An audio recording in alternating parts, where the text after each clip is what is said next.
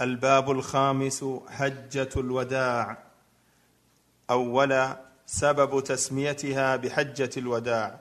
قال ابن كثير رحمه الله لأنه عليه الصلاة والسلام ودع الناس فيها ولم يحج بعدها وسميت حجة الإسلام لأنه عليه السلام لم يحج من المدينة غيرها ولكن حج قبل الهجرة مرات قبل النبوة وبعدها.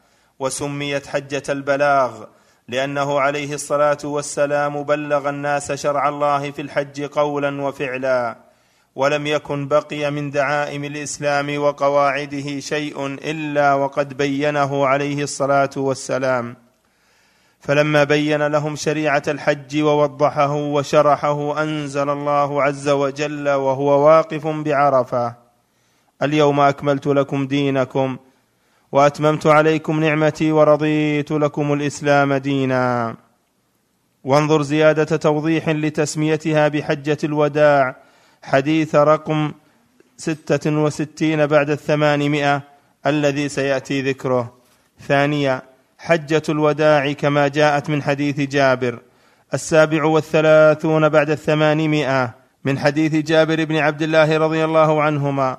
قال محمد بن علي بن الحسين دخلنا على جابر بن عبد الله فسأل عن القوم حتى انتهى إلي.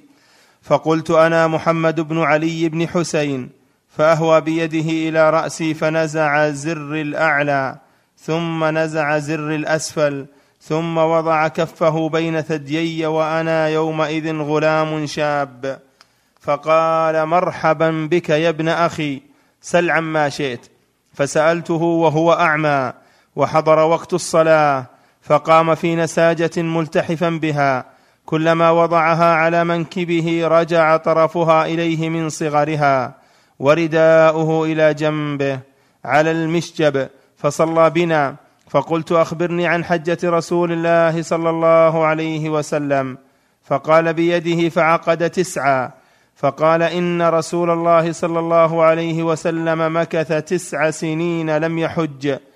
ثم أذن في الناس في العاشرة أن رسول الله صلى الله عليه وسلم حاج فقدم المدينة بشر كثير كلهم يلتمس أن يأتم برسول الله صلى الله عليه وسلم ويعمل مثل عمله فخرجنا معه حتى إذا أتينا ذا الحليفة فولدت أسماء بنت عميس محمد بن أبي بكر فأرسلت إلى رسول الله صلى الله عليه وسلم كيف أصنع.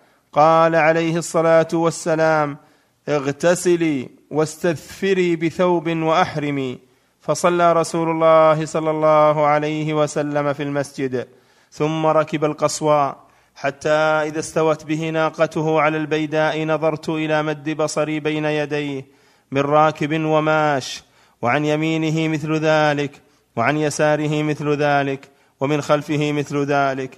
ورسول الله صلى الله عليه وسلم بين أظهرنا وعليه ينزل القرآن وهو يعرف تأويله وما عمل به من شيء عملنا به فأهل بالتوحيد لبيك اللهم لبيك لبيك لا شريك لك لبيك إن الحمد والنعمة لك والملك لا شريك لك وأهل الناس بهذا الذي يهلون به فلم يرد رسول الله صلى الله عليه وسلم شيئا منه ولزم رسول الله صلى الله عليه وسلم تلبيته. قال جابر رضي الله عنه لسنا ننوي إلا الحج لسنا نعرف العمرة. حتى إذا أتينا البيت معه استلم الركن فرمل ثلاثا ومشى أربعا ثم نفذ إلى مقام إبراهيم عليه السلام فقرأ واتخذوا من مقام إبراهيم مصلى فجعل المقام بينه وبين البيت وكان يقرأ في الركعتين قل هو الله أحد وقل يا أيها الكافرون ثم رجع إلى الركن فاستلمه ثم خرج من الباب إلى الصفا فلما دنا من الصفا قرأ إن الصفا والمروة من شعائر الله وابدا بما بدأ الله به فبدأ بالصفا فرقى عليه حتى إذا رأى البيت فاستقبل القبلة فوحد الله وكبره وقال لا إله إلا الله وحده لا شريك له له الملك وله الحمد وهو على كل شيء قدير. لا إله إلا الله وحده أنجز وعده ونصر عبده وهزم الأحزاب وحده ثم دعا بين ذلك. قال مثل هذا ثلاث مرات ثم نزل إلى المروة حتى إذا انصبت قدماه في بطن الوادي سعى حتى إذا صعدتا مشى اتى المروة ففعل على المروة كما فعل على الصفا حتى إذا كان آخر طوافه على المروة فقال لو أني استقبلت من أمري ما استدبرت لم اسق الهدي وجعلتها عمرة فمن كان منكم ليس معه هدي فليحل وليجعلها عمرة. فقام سراقة بن مالك بن جعشم فقال يا رسول الله ألعامنا هذا أم للأبد؟ فشبك رسول الله صلى الله عليه وسلم أصابعه واحدة في الأخرى وقال دخلت العمرة في الحج دخلت العمرة في الحج مرتين لا بل لأبد أبد. وقدم علي من اليمن ببدن النبي صلى الله عليه وسلم فوجد فاطمة رضي الله عنها ممن حل ولبست ثيابا صبيغا واكتحلت فأنكر ذلك عليها فقالت إن أبي أمرنا بهذا. فقال فكان علي يقول بالعراق فذهبت إلى رسول الله صلى الله عليه وسلم محرشا على فاطمة للذي صنعت مستفتيا لرسول الله صلى الله عليه وسلم فيما ذكرت عنه فأخبرته أني أنكرت ذلك عليها. فقال عليه الصلاة والسلام صدقت صدقت. ماذا قلت حين فرضت الحج؟ قال قلت اللهم إني أهل بما أهل به رسولك. قال عليه الصلاة والسلام فإن معي الهدي فلا تحل. قال فكان جماعة الهدي الذي قدم به علي من اليمن والذي أتى به النبي صلى الله عليه وسلم مئة. قال فحل الناس كلهم وقصروا إلا النبي صلى الله عليه وسلم ومن كان معه هدي. فلما كان يوم التروية توجهوا إلى منى فأحلوا بالحج.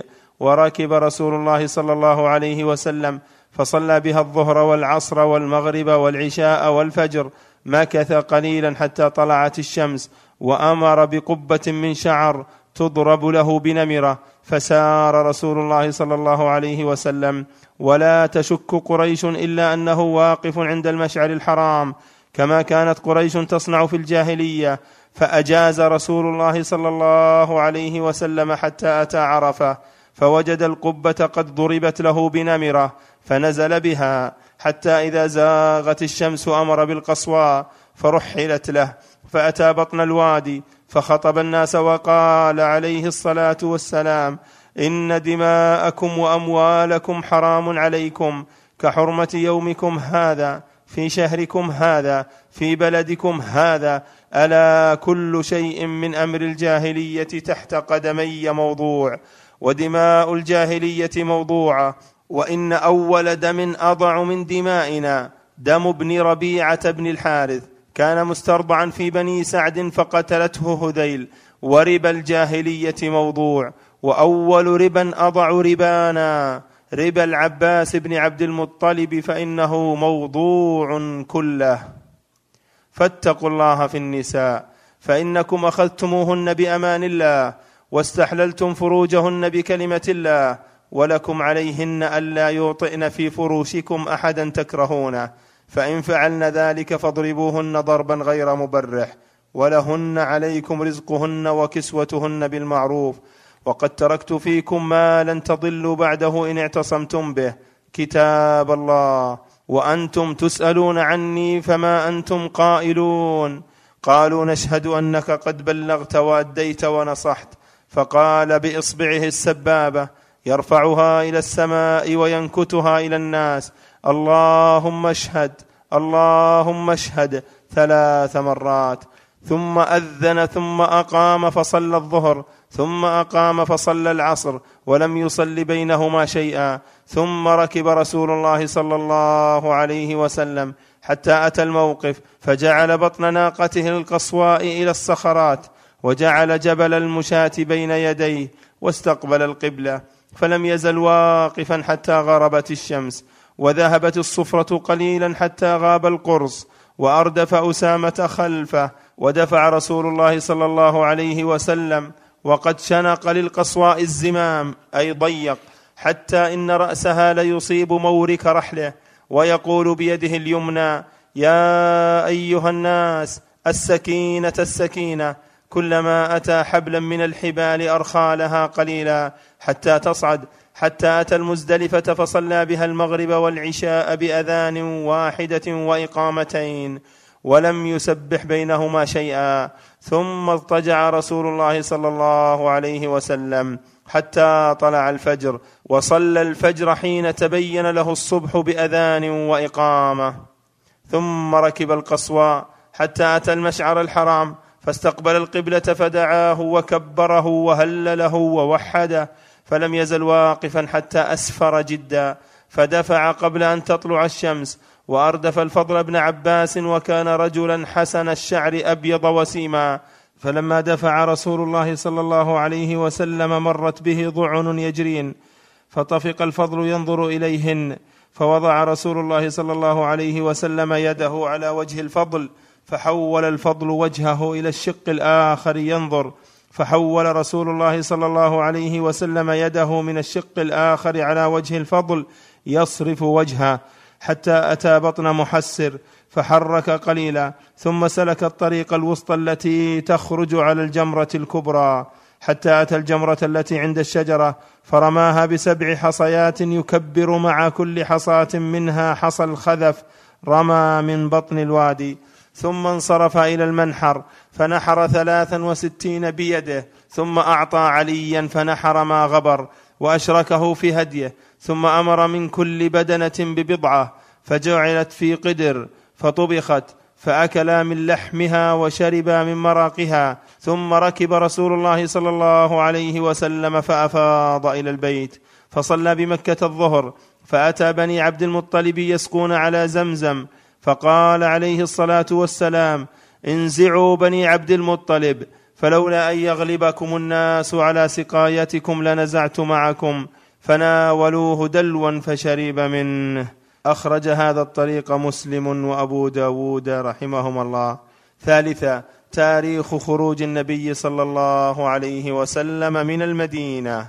من حديث ابن عباس رضي الله عنهما قال انطلق النبي صلى الله عليه وسلم من المدينة بعدما ترجل وادهن ولبس إزاره ورداءه هو وأصحابه. فلم ينه عن شيء من الأردية والأزر تلبس إلا المزعفرة التي تردع على الجلد فأصبح بذي الحليفة ركب راحلته حتى استوى على البيداء أهل هو وأصحابه وقلد بدنته وذلك لخمس بقين من ذي القعدة. فقدم مكة لأربع ليال خلون من ذي الحجة فطاف بالبيت وسعى بين الصفا والمروة ولم يحل من أجل بدنه لأنه قلدها. ثم نزل بأعلى مكة عند الحجون وهو مهل بالحج لم يقرب الكعبة بعد طوافه بها حتى رجع من عرفة وأمر أصحابه أن يطوفوا بالبيت وبين الصفا والمروة ثم يقصروا من رؤوسهم ثم يحلوا وذلك لمن لم يكن معه بدنة قلدها ومن كان معه امرأته فهي له حلال والطيب والثياب أخرجه البخاري ومسلم. رابعا صلاة النبي صلى الله عليه وسلم في المدينة اربعا قبل خروجه وبياته بذي الحليفة. التاسع والثلاثون بعد الثمانمائة. من حديث أنس بن مالك رضي الله عنه قال صلى النبي صلى الله عليه وسلم بالمدينة اربعا وبذي الحليفة ركعتين ثم بات حتى أصبح بذي الحليفة. فلما ركب راحلته واستوت به أهل. أخرجه البخاري ومسلم. خامسا صلاته عليه الصلاة والسلام في وادي العقيق. الأربعون بعد الثمانمائة من حديث عمر بن الخطاب رضي الله عنه قال سمعت النبي صلى الله عليه وسلم بوادي العقيق يقول أتاني الليلة آت من ربي فقال صل في هذا الوادي المبارك وقل عمرة في حجة. أخرجه البخاري وأبو داود. سادسا إهلال النبي صلى الله عليه وسلم من ذي الحليفة الحادي والأربعون بعد الثمانمائة من حديث أنس بن مالك رضي الله عنه قال صلى رسول الله صلى الله عليه وسلم ونحن معه بالمدينة الظهر أربعا والعصر بذي الحليفة ركعتين ثم بات بها حتى أصبح ثم ركب حتى استوت به على البيداء حمد الله وسبح وكبر ثم أهل بحج وعمرة وأهل الناس بهما فلما قدمنا أمر الناس فحلوا حتى كان يوم التروية اهلوا بالحج. قال ونحر النبي صلى الله عليه وسلم بدنات بيده قياما وذبح رسول الله صلى الله عليه وسلم بالمدينة كبشين أملحين. هذا لفظ البخاري ورواه مسلم. سابعا كيف أهل الناس في الحج مع النبي صلى الله عليه وسلم؟ الثاني والأربعون بعد الثمانمائة. من حديث عائشة رضي الله عنها قالت خرجنا مع النبي صلى الله عليه وسلم في حجة الوداع فأهللنا بعمرة. ثم قال النبي صلى الله عليه وسلم من كان معه هدي فليهل بالحج مع العمرة ثم لا يحل حتى يحل منهما جميعا. فقدمت مكة وأنا حائض ولم أطف بالبيت ولا بين الصفا والمروة فشكوت ذلك إلى النبي صلى الله عليه وسلم فقال انقضي رأسك وامتشطي وأهلي بالحج ودع العمرة ففعلت. فلما قضينا الحج أرسلني النبي صلى الله عليه وسلم مع عبد الرحمن بن أبي بكر إلى التنعيم فاعتمرت فقال عليه الصلاة والسلام هذا مكان عمرتك. قالت فطاف الذين كانوا أهلوا بالعمرة بالبيت وبين الصفا والمروة ثم حلوا. ثم طافوا طوافا واحدا بعد أن رجعوا من منى. وأما الذين جمعوا الحج والعمرة فإنما طافوا طوافا واحدا. أخرجه البخاري. ثامنا ولادة أسماء بنت عميس محمد بن أبي بكر بذي الحليفة. الثالث والأربعون بعد الثمانمائة. من حديث عائشة رضي الله عنها قالت نفست أسماء بنت عميس محمد بن أبي بكر بالشجرة فأمر رسول الله صلى الله عليه وسلم أبا بكر يأمرها أن تغتسل وتهل. أخرجه مسلم. تاسعا حيض أم المؤمنين عائشة بسرف وأمر النبي صلى الله عليه وسلم لها. الرابع والأربعون بعد الثمانمائة من حديث عائشة رضي الله عنها قالت خرجنا مع رسول الله صلى الله عليه وسلم مهلين بالحج في أشهر الحج وفي حرم الحج وليالي الحج حتى نزلنا بسرف فخرج إلى أصحابه فقال عليه الصلاة والسلام من لم يكن معه منكم هدي فأحب أن يجعلها عمرة فليفعل ومن كان معه هدي فلا فمنهم الآخذ بها والتارك لها ممن لم يكن معه هدي. فأما رسول الله صلى الله عليه وسلم فكان معه الهدي. ومع رجال من أصحابه لهم قوة. فدخل علي رسول الله صلى الله عليه وسلم وأنا أبكي. فقال عليه الصلاة والسلام ما يبكيك؟ قلت سمعت كلامك مع أصحابك فمنعت العمره قال وما لك؟ قالت لا أصلي. قال عليه الصلاة والسلام فلا يضرك. فكوني في حجك فعسى الله أن يرزقكيها وإنما أنت من بنات آدم كتب الله عليك ما كتب عليهن. قالت فخرجت في حجتي حتى نزلنا منى فتطهرت ثم طفنا بالبيت. ونزل رسول الله صلى الله عليه وسلم المحصب. فدعا عبد الرحمن بن أبي بكر فقال اخرج بأختك من الحرم فلتهل بعمرة. ثم لتطف بالبيت فإني أنتظركما هنا. قال فخرجنا فأهللت ثم طفت بالبيت وبالصفا والمروة فجئنا رسول الله صلى الله عليه وسلم وهو في منزله من جوف الليل فقال عليه الصلاة والسلام هل فرغت؟ قلت نعم. فآذن في أصحابه بالرحيل فخرج فمر بالبيت فطاف به قبل صلاة الصبح ثم خرج إلى المدينة واللفظ لمسلم أخرجه البخاري. عاشرا تلبيته عليه الصلاة والسلام. الخامس والأربعون بعد الثمانمائة. من حديث جابر الطويل السابق قال فجعل رسول الله صلى الله عليه وسلم يلبي. لبيك اللهم لبيك. لا شريك لك لبيك. إن الحمد والنعمة لك والملك. لا شريك لك. السادس والأربعون بعد الثمانمائة. من حديث عائشة رضي الله عنها قالت إني لأعلم كيف كان رسول الله صلى الله عليه وسلم يلبي. فكانت تلبي لبيك اللهم لبيك لبيك لا شريك لك لبيك إن الحمد والنعمة لك أخرجه البخاري. السابع والأربعون بعد الثمانمائة. وقد جاء أيضا من حديث ابن عمر رضي الله عنهما شبيها بهذين اللفظين إلا أن مالكا زاد في روايته قال وكان عبد الله بن عمر يزيد فيها لبيك لبيك لبيك وسعديك والخير بين يديك لبيك الرغباء إليك والعمل. أخرجه البخاري ومسلم.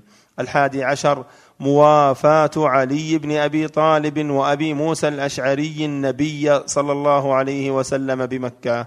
الثامن والأربعون بعد الثمانمائة. من حديث أنس بن مالك رضي الله عنه قال قدم علي رضي الله عنه على النبي صلى الله عليه وسلم من اليمن فقال عليه الصلاة والسلام بما أهللت؟ قال بما أهل به النبي صلى الله عليه وسلم. فقال عليه الصلاة والسلام لولا أن معي الهدي لأحللت. أخرجه البخاري ومسلم. التاسع والأربعون بعد الثمانمائة. ومن حديث جابر بن عبد الله رضي الله عنهما قال قدم علي من سعايته فقال له النبي صلى الله عليه وسلم بما أهللت يا علي؟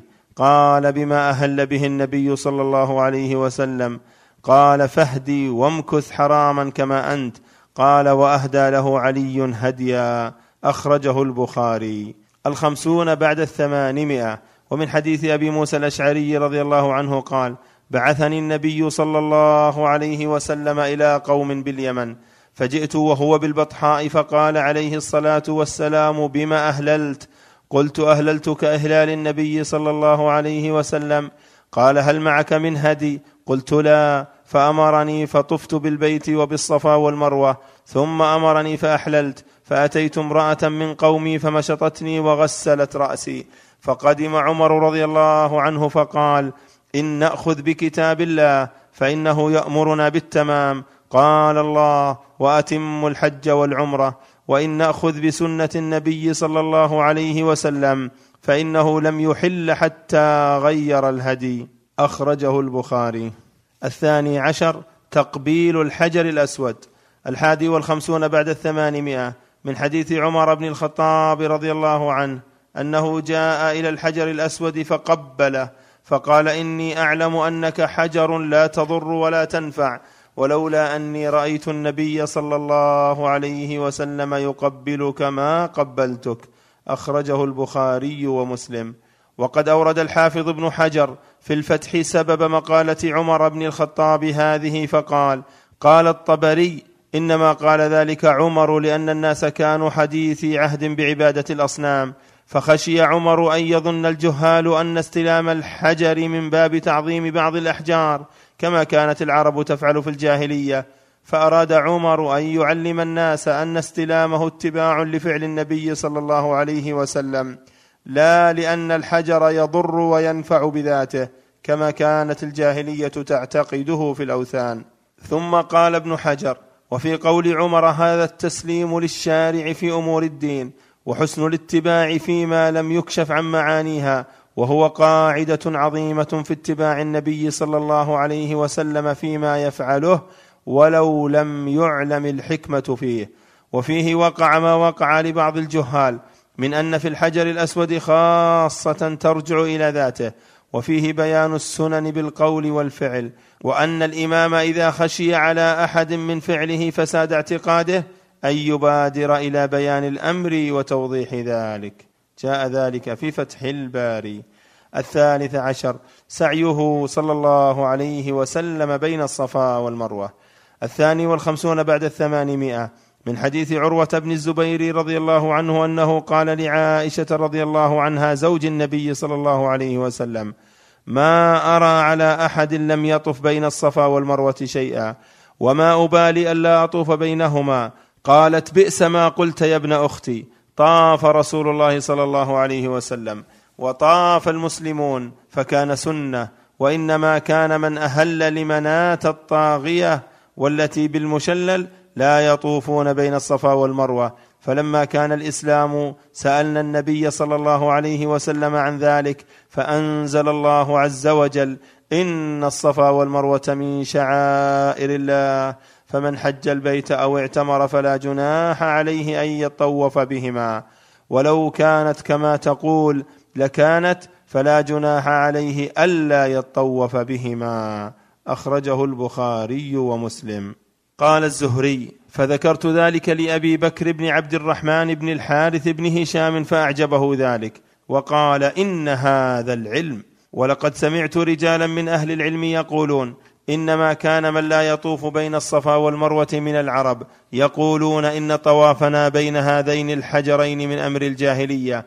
وقال آخرون من الأنصار إنما أمرنا بالطواف بالبيت ولم نؤمر به بين الصفا والمروة.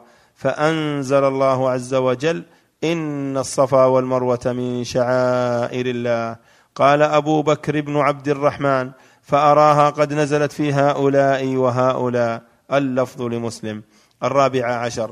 صلاته صلى الله عليه وسلم في يوم التروية بمنى. الثالث والخمسون بعد الثمانمائة. من حديث جابر الطويل قال فلما كان يوم التروية توجهوا إلى منى فأهلوا بالحج وركب رسول الله صلى الله عليه وسلم فصلى بها الظهر والعصر والمغرب والعشاء والفجر ثم مكث قليلا حتى طلعت الشمس. الرابع والخمسون بعد الثمانمائة. وقد جاء شبيها بقول جابر من حديث ابن عباس رضي الله عنهما. أخرجه أحمد وأبو داود. الخامس عشر نزول قوله تعالى اليوم أكملت لكم دينكم وأتممت عليكم نعمتي ورضيت لكم الإسلام دينا. يوم عرفة. الخامس والخمسون بعد الثمانمائة. من حديث طارق بن شهاب عن عمر بن الخطاب رضي الله عنه أن رجلا من اليهود قال له يا أمير المؤمنين آية في كتابكم تقرؤونها؟ لو علينا معشر اليهود نزلت لاتخذنا ذلك اليوم عيدا. قال أي آية؟ قال اليوم أكملت لكم دينكم وأتممت عليكم نعمتي ورضيت لكم الإسلام دينا. قال عمر قد عرفنا ذلك اليوم والمكان الذي نزلت فيه على النبي صلى الله عليه وسلم وهو قائم بعرفة يوم جمعة أخرجه البخاري ومسلم. السادس عشر إفطاره عليه الصلاة والسلام يوم عرفة. السادس والخمسون بعد الثمانمائة. من حديث ميمونة زوج النبي صلى الله عليه وسلم أنها قالت إن الناس شكوا في صيام رسول الله صلى الله عليه وسلم يوم عرفة فأرسلت إليه ميمونة بحلاب اللبن وهو واقف في الموقف فشرب منه والناس ينظرون إليه والحلاب الإناء الذي يحلب فيه أخرجه البخاري ومسلم. السابع عشر وقوف الرسول صلى الله عليه وسلم بعرفة مخالفا سنة قريش في الجاهلية. السابع والخمسون بعد الثمانمائة من حديث عائشة رضي الله عنها قالت كانت قريش ومن دان دينها يقفون بالمزدلفة وكانوا يسمون الحمس وكان سائر العرب يقفون بعرفات فلما جاء الإسلام أمر الله نبيه صلى الله عليه وسلم أن يأتي عرفات ثم يقف بها ثم يفيض منها وذلك قوله عز وجل ثم أفيضوا من حيث أفاض الناس. أخرجه البخاري ومسلم. وصية النبي صلى الله عليه وسلم بالوقوف بعرفة لأنه من إرث إبراهيم عليه السلام. الثامن والخمسون بعد الثمانمائة. من حديث عمرو بن عبد الله بن صفوان عن خال له إن شاء الله يقال له يزيد بن شيبان. قال كنا في موقف لنا بعرفة يباعده عمرو من موقف الإمام جدا. فأتانا ابن مربع الأنصاري فقال إني رسول رسول الله إليكم. يأمركم أن تقفوا على مشاعركم هذه فإنكم على إرث من إرث أبيكم إبراهيم عليه السلام. أخرجه أبو داود والنسائي. جمعه صلى الله عليه وسلم بين الظهر والعصر يوم عرفة. التاسع والخمسون بعد الثمانمائة من حديث جابر بن عبد الله الطويل. وقال فأجاز رسول الله صلى الله عليه وسلم حتى أتى عرفة فوجد القبة قد ضربت له بنمرة فنزل بها حتى إذا زاغت الشمس أمر بالقصواء فرحلت له. فأتى بطن الوادي فخطب الناس ثم أذن بلال ثم أقام فصلى الظهر ثم أقام فصلى العصر ولم يصل بينهما شيئا. ثم ركب رسول الله صلى الله عليه وسلم حتى أتى الموقف. فجعل بطن ناقته القصواء إلى الصخرات وجعل حبل المشاة بين يديه واستقبل القبلة ولم يزل واقفا حتى غربت الشمس. كيف يفعل بمن توفي محرما؟ الستون بعد الثمانمائة. من حديث ابن عباس رضي الله عنهما قال بينما رجل واقف مع رسول الله صلى الله عليه وسلم بعرفة إذ وقع عن راحلته فأوقصته أو قال فأقعصته فذكر ذلك للنبي صلى الله عليه وسلم. فقال عليه الصلاة والسلام اغسلوه بماء وسدر وكفنوه في ثوبين ولا تحنطوه ولا تخمروا رأسه فإن الله يبعثه يوم القيامة ملبيا. أخرجه البخاري ومسلم. الثامن عشر. خطبته صلى الله عليه وسلم في حجة الوداع الحادي والستون بعد الثمانمائة من حديث جابر الطويل قال فأجاز رسول الله صلى الله عليه وسلم حتى أتى عرفة فوجد القبة قد ضربت له بنمرة فنزل بها حتى إذا زاغت الشمس أمر بالقصواء فرحلت له فأتى بطن الوادي فخطب الناس وقال إن دماءكم وأموالكم حرام عليكم كحرمة يومكم هذا في شهركم هذا في بلدكم هذا. ألا كل شيء من أمر الجاهلية تحت قدمي موضوع ودماء الجاهلية موضوعة. وإن أول دم أضع من دمائنا دم ابن ربيعة بن الحارث. كان مسترضعا في بني سعد فقتلته هذيل. وربا الجاهلية موضوع. وأول ربا أضع ربانا ربا عباس بن عبد المطلب فإنه موضوع كله. فاتقوا الله في النساء فإنكم أخذتموهن بأمان الله واستحللتم فروجهن بكلمة الله ولكم عليهن ألا يوطئن فرشكم أحدا تكرهونه. فإن فعلن ذلك فاضربوهن ضربا غير مبرح ولهن عليكم رزقهن وكسوتهن بالمعروف. وقد تركت فيكم ما لن تضلوا بعده إن اعتصمتم به. كتاب الله. وأنتم تسألون عني فما أنتم قائلون. قالوا نشهد أنك قد بلغت وأديت ونصحت. فقال بإصبعه السبابة يرفعها إلى السماء وينكتها إلى الناس. اللهم اشهد اللهم اشهد ثلاث مرات.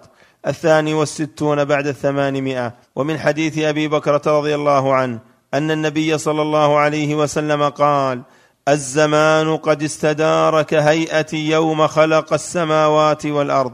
السنة اثنا عشر شهرا منها أربعة حرم ثلاثة متواليات ذو القعدة وذو الحجة والمحرم. ورجب مضر الذي بين جمادى وشعبان. أي شهر هذا؟ قلنا الله ورسوله أعلم. فسكت حتى ظننا أنه سيسميه بغير اسمه. قال عليه الصلاة والسلام أليس ذو الحجة؟ قلنا بلى. قال فأي بلد هذا؟ قلنا الله ورسوله أعلم. فسكت حتى ظننا أنه سيسميه بغير اسمه. قال عليه الصلاة والسلام أليس البلدة؟ قلنا بلى. قال فأي يوم هذا؟ قلنا الله ورسوله أعلم. فسكت حتى ظننا أنه سيسميه بغير اسمه. قال عليه الصلاة والسلام أليس يوم النحر؟ قلنا بلى. قال عليه الصلاة والسلام فإن دماءكم وأموالكم قال محمد وأحسبه قال وأعراضكم عليكم حرام كحرمة يومكم هذا في بلدكم هذا في شهركم هذا. وستلقون ربكم فسيسألكم عن أعمالكم. ألا فلا ترجعوا بعدي ضلالا يضرب بعضكم رقاب بعض. ألا ليبلغ الشاهد الغائب فلعل بعض من يبلغه يكون أوعى له من بعض من سمع. فكان محمد إذا ذكره يقول صدق محمد صلى الله عليه وسلم. ثم قال ألا هل بلغت مرتين؟ رواه البخاري ومسلم. الثالث والستون بعد الثمانمائة. من حديث عمرو بن الأحوص رضي الله عنه أنه شهد حجة الوداع مع رسول الله صلى الله عليه وسلم فحمد الله وأثنى عليه وذكر ووعظ ثم قال أي يوم أحرم؟ أي يوم أحرم؟ أي يوم أحرم؟ فقال الناس يوم الحج الأكبر يا رسول الله. ثم قال أي يوم أحرم؟ أي يوم أحرم؟ أي يوم أحرم؟ فقال الناس يوم الحج الأكبر يا رسول الله. قال عليه الصلاة والسلام فإن دماءكم وأموالكم وأعراضكم عليكم حرام. كحرمة يومكم هذا في بلدكم هذا في شهركم هذا.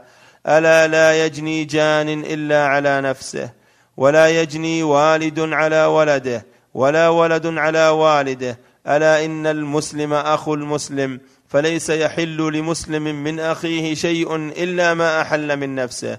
ألا وإن كل ربا في الجاهلية موضوع.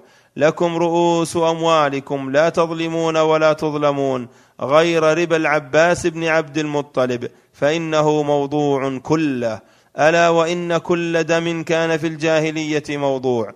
وأول دم وضع من دماء الجاهلية دم الحارث بن عبد المطلب. كان مسترضعا في بني ليث فقتلته هذيل.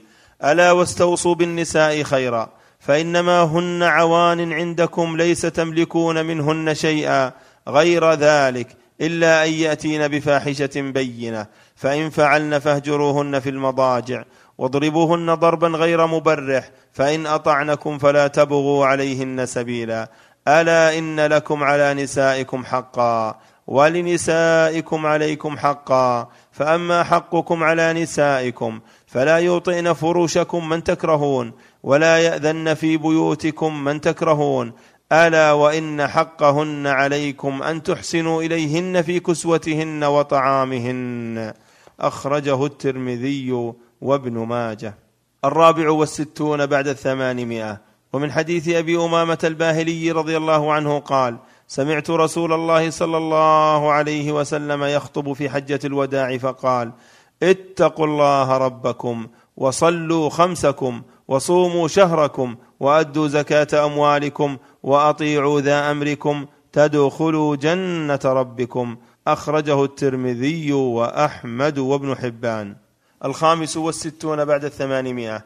من حديث ابن عمر رضي الله عنهما قال قال رسول الله صلى الله عليه وسلم في حجة الوداع ألا أي شهر تعلمونه أعظم حرمة؟ قالوا ألا شهرنا هذا. قال عليه الصلاة والسلام ألا أي بلد تعلمونه أعظم حرمة؟ قالوا ألا بلدنا هذا.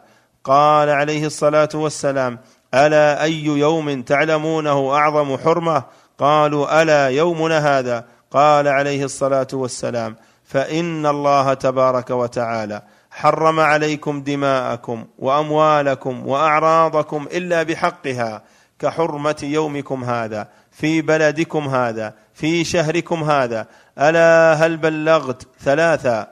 كل ذلك يجيبونه ألا نعم. قال ويحكم أو ويلكم لا ترجعن بعدي كفارا. يضرب بعضكم رقاب بعض. أخرجه البخاري. السادس والستون بعد الثمانمائة. وقد جاء عن ابن عمر في لفظ ابن ماجه زيادة في الرواية وهو تسمية الحجة التي حجها رسول الله صلى الله عليه وسلم حجة الوداع وتسمية يوم الحج الأكبر بهذا الاسم أخرجه ابن ماجه. السابع والستون بعد الثمانمائة. من حديث عبد الله بن مسعود رضي الله عنه قال قال رسول الله صلى الله عليه وسلم وهو على ناقته المخضرمة بعرفات فقال أتدرون أي يوم هذا؟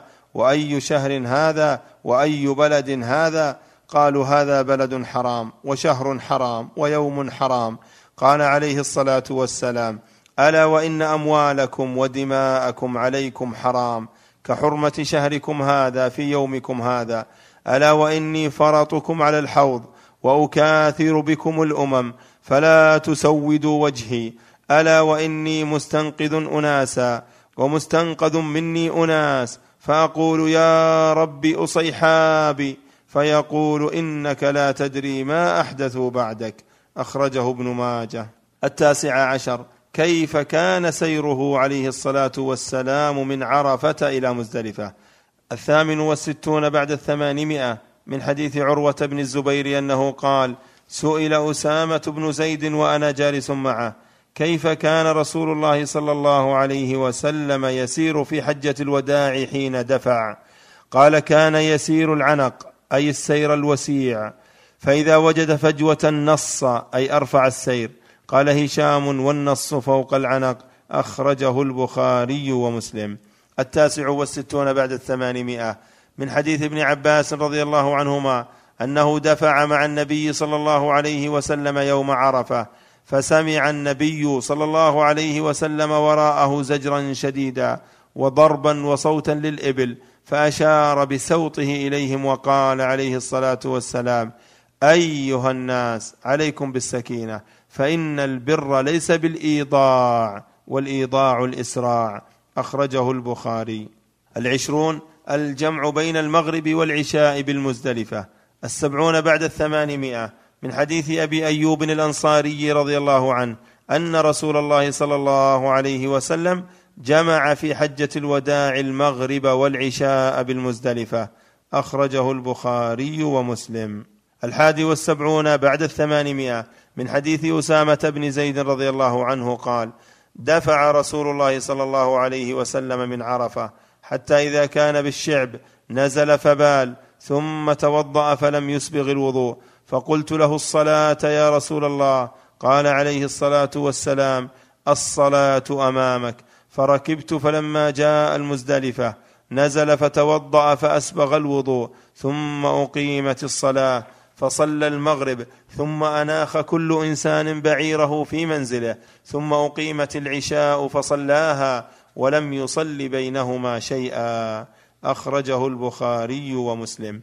الحادي والعشرون قصة الخثعمية والفضل بن عباس. الثاني والسبعون بعد الثمانمائة من حديث ابن عباس رضي الله عنهما قال كان الفضل رديف رسول الله صلى الله عليه وسلم. فجاءت امرأة من خثعم فجعل الفضل ينظر إليها وتنظر إليه. وجعل النبي صلى الله عليه وسلم يصرف وجه الفضل إلى الشق الآخر. فقالت يا رسول الله إن فريضة الله على عباده في الحج أدركت أبي شيخا كبيرا لا يثبت على الراحلة أفأحج عنه؟ قال عليه الصلاة والسلام نعم وذلك في حجة الوداع. أخرجه البخاري. الثاني والعشرون استئذان سودة بنت زمعة في أن تدفع قبل الزحمة. الثالث والسبعون بعد الثمانمائة. من حديث عائشة رضي الله عنها قالت نزلنا المزدلفة فاستأذنت سودة النبي صلى الله عليه وسلم أن تدفع قبل حطمة الناس وكانت امرأة بطيئة فأذن لها فدفعت قبل حطمة الناس وأقمنا حتى أصبحنا نحن ثم دفعنا بدفعه. فلأن أكون استأذنت رسول الله صلى الله عليه وسلم كما استأذنت سودة أحب إلي من مفروح به. أخرجه البخاري ومسلم. الرابع والسبعون بعد الثمانمائة. ومن حديث عبد الله بن عباس رضي الله عنهما قال أنا ممن قدم النبي صلى الله عليه وسلم ليلة المزدلفة في ضعفة أهله. أخرجه البخاري ومسلم. الثالث والعشرون التقاط ابن عباس الحصى للنبي صلى الله عليه وسلم من مزدلفة. الخامس والسبعون بعد الثمانمائة.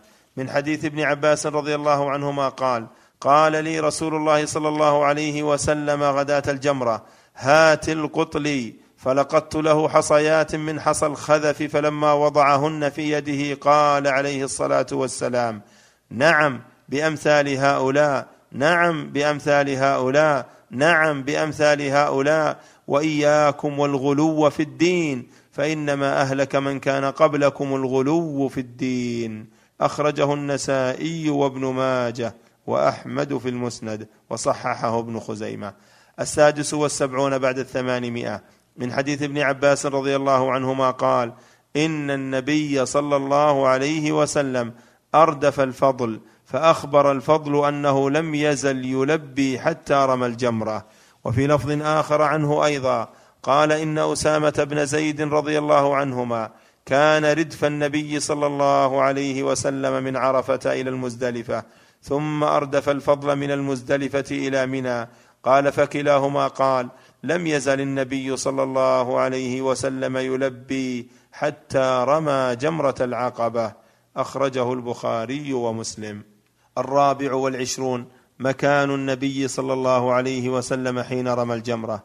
السابع والسبعون بعد الثمانمائة. من حديث عبد الرحمن بن يزيد قال رأيت عبد الله بن مسعود رمى جمرة العقبة من بطن الوادي فقال هذا والذي لا إله غيره مقام الذي أنزلت عليه سورة البقرة. أخرجه البخاري ومسلم. وفي لفظ آخر عن عبد الله بن مسعود أنه انتهى إلى الجمرة الكبرى جعل البيت عن يساره ومنى عن يمينه ورمى بسبع وقال هكذا رمى. الذي أنزلت عليه سورة البقرة صلى الله عليه وسلم. الخامس والعشرون ترتيب أعمال يوم النحر كما جاء عنه صلى الله عليه وسلم.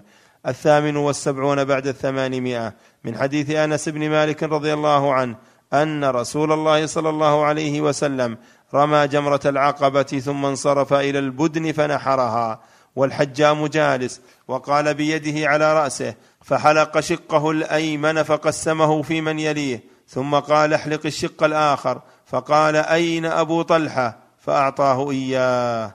اللفظ لمسلم وأخرجه البخاري. وفي رواية له أيضا لما رمى رسول الله صلى الله عليه وسلم الجمرة ونحر نسكه وحلق ناول الحالق شقه الأيمن فحلقه ثم دعا أبا طلحة الأنصاري فأعطاه إياه ثم ناوله الشق الأيسر فقال عليه الصلاة والسلام احلق فحلقه فأعطاه أبا طلحة فقال عليه الصلاة والسلام اقسمه بين الناس. وقد جاء في رواية أخرى عنده فقال للحلاق ها وأشار بيده إلى الجانب الأيمن هكذا فقسم شعره بين من يليه قال ثم أشار إلى الحلاق وإلى الجانب الأيسر فحلقه فأعطاه أم سليم.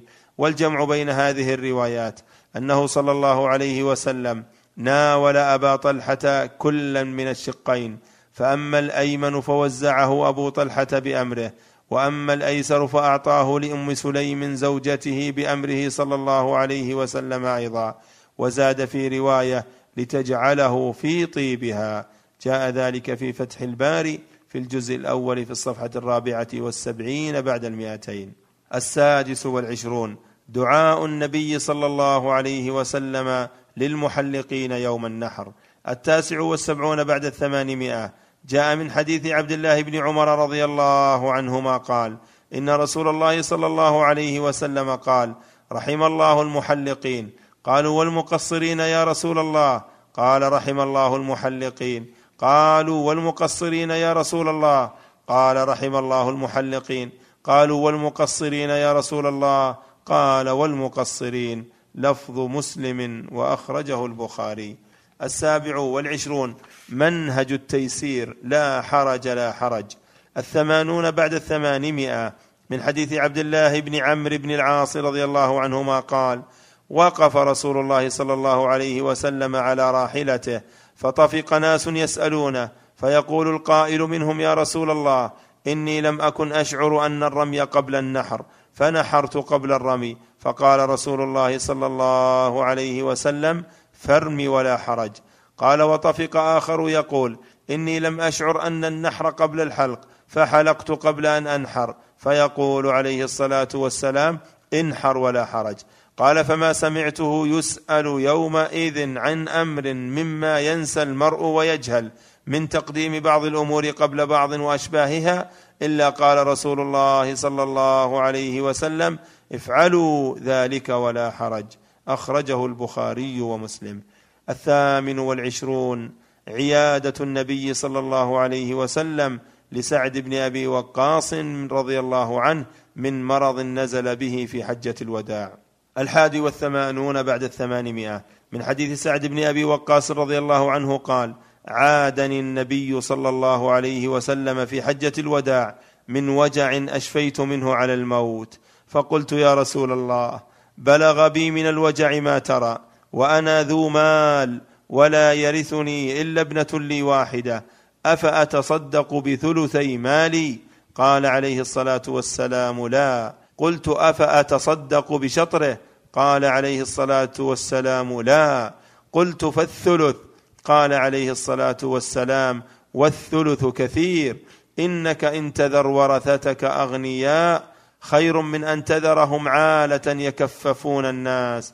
ولست تنفق نفقة تبتغي بها وجه الله إلا أجرت بها. حتى اللقمة تجعلها في في امرأتك. قلت يا رسول الله أأخلف بعد أصحابي؟ قال عليه الصلاة والسلام إنك لن تخلف فتعمل عملا تبتغي به وجه الله إلا ازددت به درجة ورفعة ولعلك تخلف حتى ينتفع بك أقوام ويضر بك آخرون. اللهم أمض لأصحابي هجرتهم ولا تردهم على أعقابهم لكن البائس سعد بن خولة رثى له رسول الله صلى الله عليه وسلم أن توفي بمكة. اللفظ للبخاري كما في المغازي. أخرجه البخاري ومسلم ومالك. التاسع والعشرون. منزل النبي صلى الله عليه وسلم حين انتهى من أعمال الحج في منى. الثاني والثمانون بعد الثمانمائة. من حديث ابن عمر رضي الله عنهما قال إن النبي صلى الله عليه وسلم وأبا بكر وعمر كانوا ينزلون الأبطح. أخرجه مسلم والترمذي وابن ماجه وابن خزيمة في صحيحه. الثالث والثمانون بعد الثمانمائة. ومن حديث ابن عباس رضي الله عنهما قال ليس التحصيب بشيء إنما هو منزل نزله رسول الله صلى الله عليه وسلم. والتحصيب معناه النزول بالمحصب أو الأبطح أو البطحاء وكلها أسماء لخيف بني كنانة. وأصل الخيف كل من حدر عن الجبل وارتفع عن المسيل أخرجه البخاري ومسلم. الرابع والثمانون بعد الثمانمائة. ومن حديث عائشة رضي الله عنها قالت إنما نزل رسول الله صلى الله عليه وسلم الأبطح لأنه كان أسمح لخروجه. أخرجه البخاري ومسلم. الثلاثون آخر العهد بالبيت الطواف طواف الوداع. الخامس والثمانون بعد الثمانمائة. من حديث ابن عباس رضي الله عنهما قال كان الناس ينصرفون في كل وجه. فقال رسول الله صلى الله عليه وسلم لا ينفرن أحد حتى يكون آخر عهده بالبيت. اللفظ لمسلم. وفي لفظ قال ابن عباس أمر الناس أن يكون آخر عهدهم بالبيت إلا أنه خفف عن المرأة الحائض. أخرجه البخاري ومسلم. الحادي والثلاثون. اذان النبي صلى الله عليه وسلم أصحابه بالرحيل إلى المدينة. السادس والثمانون بعد الثمانمائة. من حديث عائشة رضي الله عنها قالت خرجنا مع رسول الله صلى الله عليه وسلم مهلين بالحج. فذكرت الحديث حتى قالت فخرجت من حجتي حتى نزلنا منى فتطهرت ثم طفنا بالبيت. ونزل رسول الله صلى الله عليه وسلم المحصب فدعا عبد الرحمن بن أبي بكر فقال اخرج بأختك من الحرم فلتهل بعمرة ثم لتطف بالبيت فإني أنتظركما ها هنا. قالت فخرجنا فأهللت ثم طفت بالبيت وبالصفا والمروة فجئنا رسول الله صلى الله عليه وسلم وهو في منزله من جوف الليل فقال عليه الصلاة والسلام هل فرغت؟ قلت نعم فأذن في أصحابه بالرحيل فخرج فمر بالبيت فطاف به قبل صلاة الصبح ثم خرج إلى المدينة. الثاني والثلاثون حديث غدير خم أثناء عودة النبي صلى الله عليه وسلم من مكة إلى المدينة. السابع والثمانون بعد الثمانمائة من حديث زيد بن أرقم رضي الله عنه قال قام فينا رسول الله صلى الله عليه وسلم يوما خطيبا بماء يدعى خما بين مكة والمدينة فحمد الله وأثنى عليه ووعظ وذكر ثم قال عليه الصلاة والسلام. أما بعد ألا أيها الناس فإنما أنا بشر يوشك أن يأتي رسول ربي فأجيب وأنا تارك فيكم ثقلين أولهما كتاب الله فيه الهدى والنور فخذوا بكتاب الله واستمسكوا به فحث على كتاب الله ورغب به ثم قال عليه الصلاة والسلام وأهل بيتي أذكركم الله في أهل بيتي أذكركم الله في أهل بيتي أذكركم الله في أهل بيتي. أخرجه مسلم والنسائي والطحاوي وأحمد والطبراني.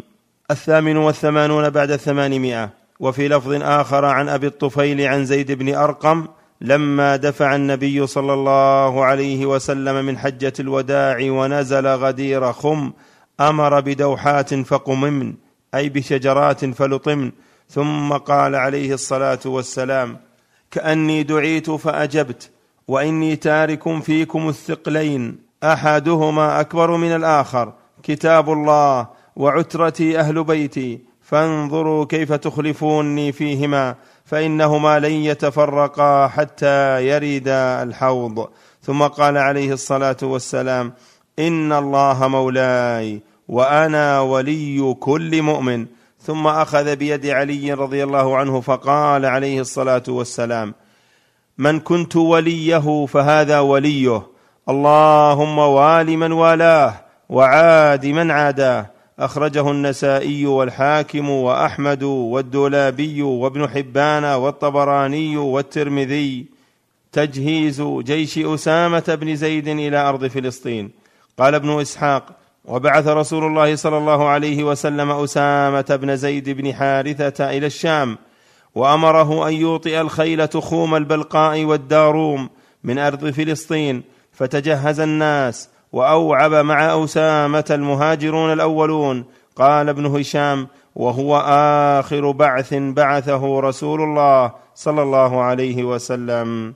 جاء ذلك في السيرة النبوية لابن هشام والسيرة النبوية لابن كثير. التاسع والثمانون بعد الثمانمائة. وقد جاء من حديث عبد الله بن عمر رضي الله عنهما أنه قال بعث رسول الله صلى الله عليه وسلم بعثا. وأمر عليهم أسامة بن زيد فطعن الناس في إمرته فقام رسول الله صلى الله عليه وسلم فقال إن تطعنوا في إمرته فقد كنتم تطعنون في إمرة أبيه من قبل وأيم الله إن كان لخليقا للإمرة وإن كان لمن أحب الناس إلي وإن هذا لمن أحب الناس إلي بعده.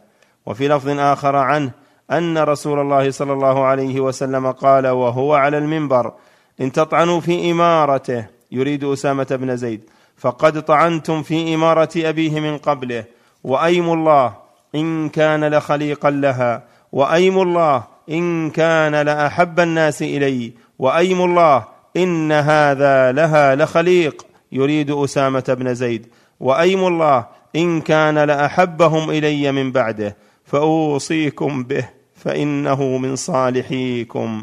اللفظ لمسلم وأخرجه البخاري. وقال ابن كثير في السيرة النبوية في الجزء الرابع في الصفحة الحادية والأربعين بعد الأربعمائة. وقد انتدب كثير من الكبار من المهاجرين الأولين والأنصار في جيشه فكان من أكبرهم عمر بن الخطاب.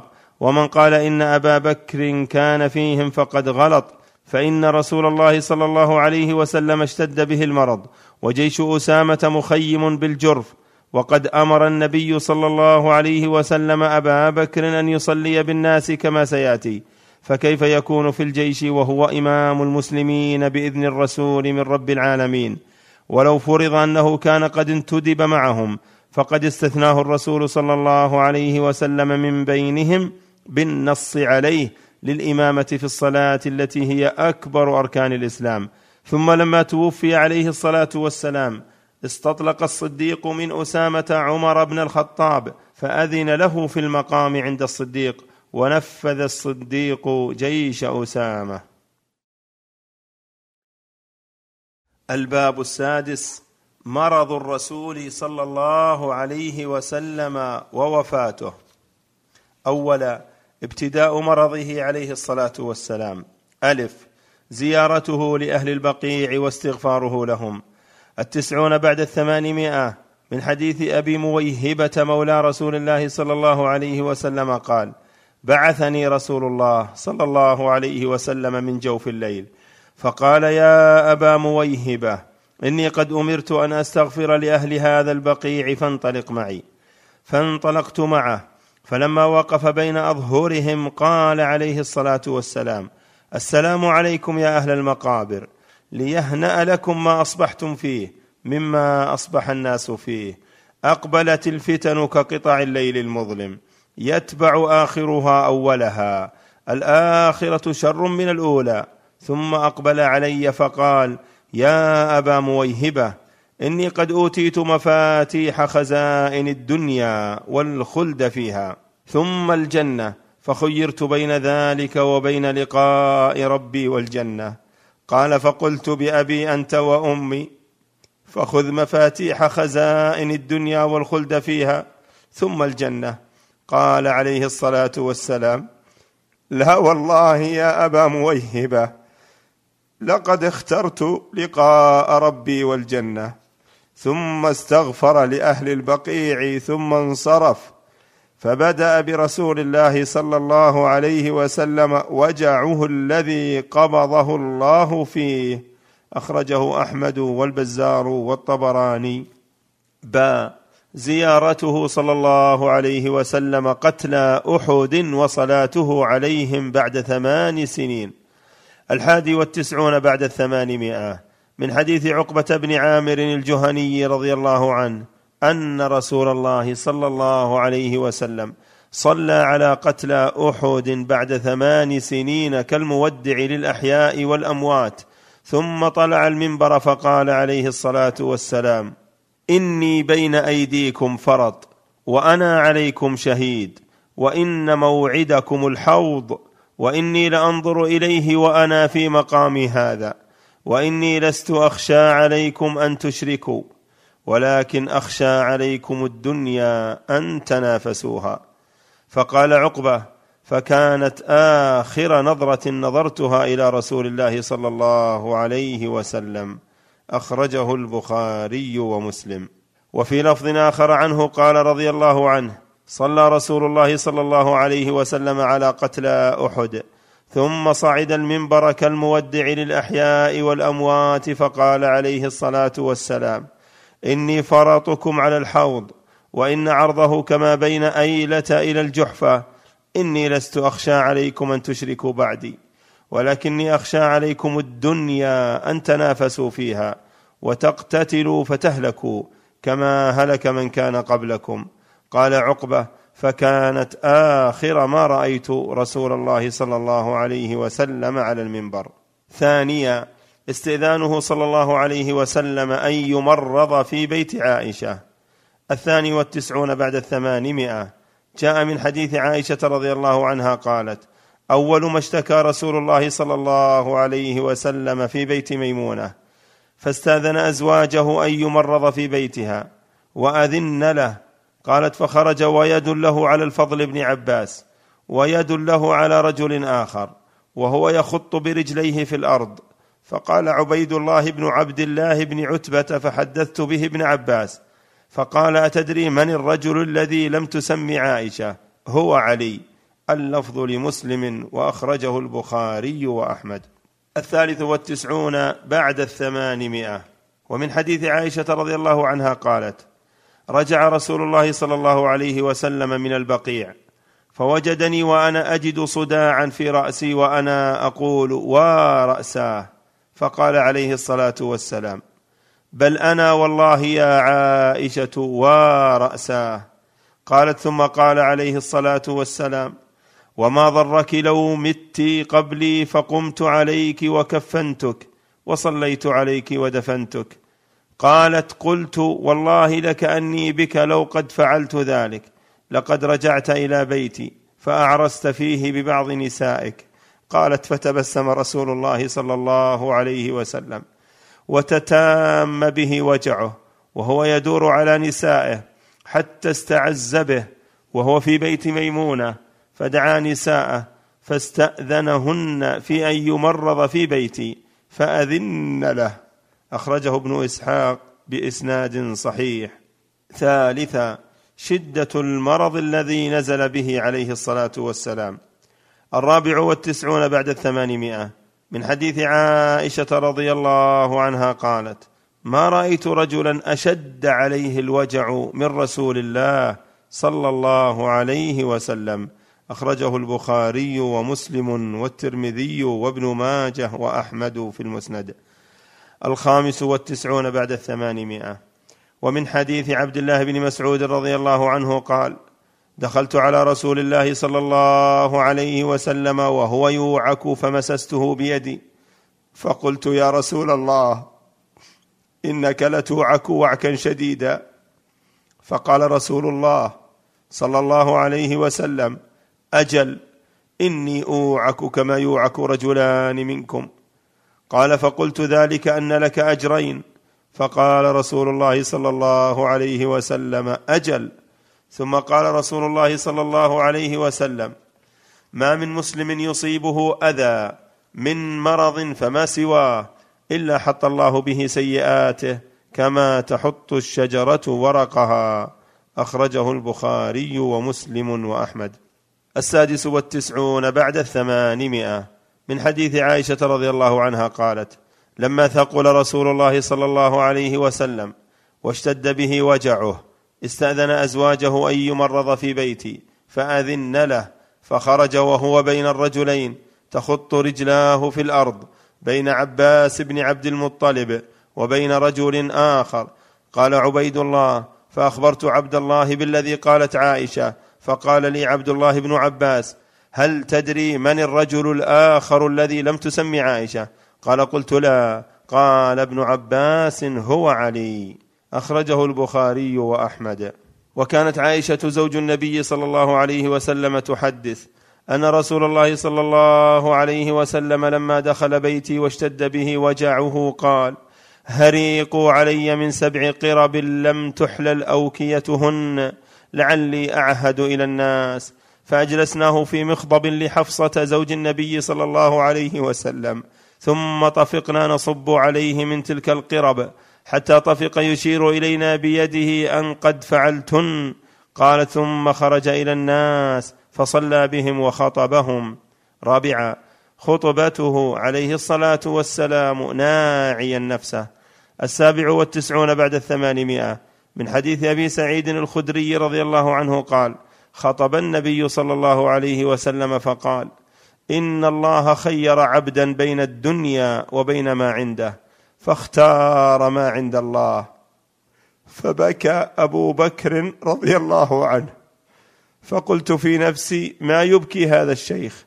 إن يكن الله خير عبدا بين الدنيا وبين ما عنده فاختار ما عند الله. فكان رسول الله صلى الله عليه وسلم هو العبد وكان أبو بكر أعلمنا. قال عليه الصلاة والسلام يا أبا بكر لا تبكي فإن من أمن الناس علي في صحبته وماله أبا بكر. ولو كنت متخذا خليلا من أمتي لاتخذت أبا بكر ولكن أخوة الإسلام ومودته.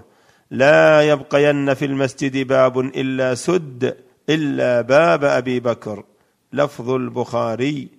ورواه مسلم. وفي لفظ الدارمي بإسناد حسن جاء عن أبي سعيد رضي الله عنه قوله خرج علينا رسول الله صلى الله عليه وسلم في مرضه الذي مات فيه ونحن في المسجد عاصبا رأسه بخرقة حتى أهوى نحو المنبر فاستوى عليه وابتغاه. قال والذي نفسي بيده إني لأنظر إلى الحوض من مقام هذا. ثم قال عليه الصلاة والسلام إن عبدا عرضت عليه الدنيا وزينتها فاختار الآخرة. قال فلم يفطن لها غير أبي بكر فذرفت عيناه فبكى. ثم قال بل نفديك بآبائنا وأمهاتنا وأنفسنا وأموالنا يا رسول الله. قال ثم هبط فما قام عليه حتى الساعة. أخرجه الدارمي. الثامن والتسعون بعد الثمانمائة. ومن حديث ابن عباس رضي الله عنهما قال خرج رسول الله صلى الله عليه وسلم في مرضه الذي مات فيه عاصبا رأسه بخرقة فقعد على المنبر فحمد الله وأثنى عليه ثم قال إنه ليس من الناس أحد أمن علي في نفسه وماله من أبي بكر بن أبي قحافة ولو كنت متخذا من الناس خليلا لاتخذت أبا بكر خليلا. ولكن خلة الإسلام أفضل. سدوا كل خوخة في المسجد غير خوخة أبي بكر. أخرجه البخاري وأحمد. وفي لفظ آخر ذكر فيه الأنصار وفضلهم عن ابن عباس بلفظ آخر قوله. خرج رسول الله صلى الله عليه وسلم في مرضه الذي مات فيه بملحفة قد عصب بعصابة دسماء حتى جلس على المنبر فحمد الله وأثنى عليه ثم قال أما بعد فإن الناس يكثرون ويقل الأنصار حتى يكونوا في الناس بمنزلة الملح في الطعام فمن ولي منكم شيئا يضر فيه قوما وينفع آخرين فليقبل من محسنهم ويتجاوز عن مسيئهم. فكان آخر مجلس جلس فيه النبي صلى الله عليه وسلم. أخرجه البخاري.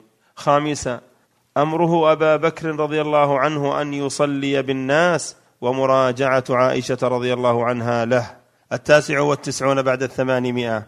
من حديث عائشة رضي الله عنها قالت ثقل النبي صلى الله عليه وسلم فقال أصلى الناس؟ قلنا لا هم ينتظرونك. قال عليه الصلاة والسلام ضعوا لي ماء في المخضب. قالت ففعلنا. فاغتسل فذهب لينوء فأغمي عليه. ثم أفاق فقال صلى الله عليه وسلم أصلى الناس؟ قلنا لا هم ينتظرونك يا رسول الله. فقال ضعوا لي ماء في المخضب. فقعد فاغتسل ثم ذهب لينوء فأغمي عليه. ثم أفاق فقال أصلى الناس؟ فقلنا لا هم ينتظرونك يا رسول الله. والناس عكوف في المسجد ينتظرون النبي صلى الله عليه وسلم لصلاة العشاء الآخرة. فأرسل النبي صلى الله عليه وسلم إلى أبي بكر بأن يصلي بالناس. فأتاه الرسول فقال إن رسول الله صلى الله عليه وسلم يأمرك أن تصلي بالناس. فقال أبو بكر وكان رجلا رقيقا يا عمر صل بالناس. فقال عمر أنت أحق بذلك. فصلى أبو بكر تلك الأيام. ثم إن النبي صلى الله عليه وسلم وجد من نفسه خفة فخرج بين رجلين أحدهما العباس لصلاة الظهر وأبو بكر يصلي بالناس. فلما رآه أبو بكر ذهب ليتأخر فأومأ إليه النبي صلى الله عليه وسلم بألا يتأخر فقال اجلساني إلى جنبه فأجلساه إلى جنب أبي بكر. قال فجعل أبو بكر يصلي وهو يأتم بصلاة النبي صلى الله عليه وسلم. والناس بصلاة أبي بكر والنبي صلى الله عليه وسلم قاعد. قال عبيد الله فدخلت على عبد الله بن عباس فقلت له ألا أعرض عليك ما حدثتني عائشة عن مرض النبي صلى الله عليه وسلم؟ قال هات. فعارضت عليه حديثها فما أنكر منه شيئا غير أنه قال أسمت لك الرجل الذي كان مع العباس؟ قلت لا. قال هو علي. أخرجه البخاري ومسلم والنسائي والبيهقي والدارمي وابن خزيمة. مراجعة عائشة للنبي صلى الله عليه وسلم في إمامة أبي بكر. التسعمائة. من حديث عائشة رضي الله عنها قالت لما ثقل رسول الله صلى الله عليه وسلم جاء بلال يؤذنه بالصلاة فقال مروا أبا بكر فليصلي بالناس. قالت فقلت يا رسول الله إن أبا بكر رجل أسيف وإنه متى يقم مقامك لا يسمع الناس فلو أمرت عمر. فقال عليه الصلاة والسلام مروا أبا بكر فليصلي بالناس. قالت فقلت لحفصة قولي له إن أبا بكر رجل أسيف وإنه متى يقم مقامك لا يسمع الناس فلو أمرت عمر فقالت له فقال رسول الله صلى الله عليه وسلم إن كن لأنتن صواحب يوسف مروا أبا بكر فليصلي بالناس. قالت فأمروا أبا بكر يصلي بالناس. قالت فلما دخل في الصلاة وجد رسول الله صلى الله عليه وسلم من نفسه خفة فقام يهادى بين رجلين ورجلاه تخطان في الأرض. قالت فلما دخل المسجد سمع أبو بكر حسه ذهب يتأخر فأومأ إليه رسول الله صلى الله عليه وسلم قم مكانك فجاء رسول الله صلى الله عليه وسلم حتى جلس عن يسار أبي بكر قالت فكان رسول الله صلى الله عليه وسلم يصلي بالناس جالسا وأبو بكر قائما يقتدي أبو بكر بصلاة النبي صلى الله عليه وسلم ويقتدي الناس بصلاة أبي بكر واللفظ لمسلم أخرجه البخاري. سبب مراجعة عائشة للنبي صلى الله عليه وسلم الأول بعد التسعمائة. من حديث عائشة رضي الله عنها قالت لقد راجعت رسول الله صلى الله عليه وسلم في ذلك وما حملني على كثرة مراجعته إلا أنه لم يقع في قلبي أنه يحب الناس بعده رجلا قام مقامه ابدا. ولا كنت أرى أنه لن يقوم أحد مقامه إلا تشاءم الناس به. فأردت أن يعدل ذلك رسول الله صلى الله عليه وسلم عن أبي بكر. سادسا. نعيه صلى الله عليه وسلم نفسه إلى ابنته فاطمة رضي الله عنها ومسارته لها. الثاني بعد التسعمائة. من حديث عائشة رضي الله عنها قالت اجتمع نساء النبي صلى الله عليه وسلم فلم يغادر منهن امرأة فجاءت فاطمة تمشي كأن مشيتها مشية رسول الله صلى الله عليه وسلم. فقال عليه الصلاة والسلام مرحبا بابنتي فأجلسها عن يمينه أو عن شماله ثم إنه أسر إليها حديثا فبكت فاطمة ثم إنه سارها فضحكت أيضا فقلت لها ما يبكيك؟ فقالت ما كنت لأفشي سر رسول الله صلى الله عليه وسلم. فقلت ما رأيتك اليوم فرحا أقرب من حزن. فقلت لها حين بكت أخصك رسول الله صلى الله عليه وسلم بحديثه دوننا ثم تبكين؟ وسألتها عما قالت فقالت ما كنت لأفشي سر رسول الله صلى الله عليه وسلم. حتى إذا قبض سألتها فقالت إنه كان حدثني أن جبريل كان يعارضه بالقرآن كل عام مرة. وإنه عارضه به في العام مرتين ولا أراني إلا قد حضر أجلي وإنك أول أهلي لحوقا بي ونعم السلف أنا لك فبكيت لذلك. ثم إنه سارني فقال ألا ترضين أن تكوني سيدة نساء المؤمنين أو سيدة نساء هذه الأمة؟ فضحكت لذلك. اللفظ لمسلم وأخرجه البخاري. سابعا شدة تأثره صلى الله عليه وسلم بأكلة السم يوم خيبر. الثالث بعد التسعمائة من حديث عائشة رضي الله عنها قالت كان رسول الله صلى الله عليه وسلم يقول في مرضه الذي مات فيه يا عائشة ما أزال أجد ألم الطعام الذي أكلت بخيبر؟ فهذا أوان وجدت انقطاع أبهري من ذلك السم. لفظ البخاري. ثامنا آخر ما قرأه في صلاة الجماعة. الرابع بعد التسعمائة. من حديث عبد الله بن عباس رضي الله عنهما قال إن أم الفضل بنت الحارث سمعته وهو يقرأ والمرسلات عرفا. فقالت يا بني لقد ذكرتني بقراءتك هذه السورة إنها لآخر ما سمعت رسول الله صلى الله عليه وسلم يقرأ بها في المغرب اللفظ لمسلم وأخرجه البخاري.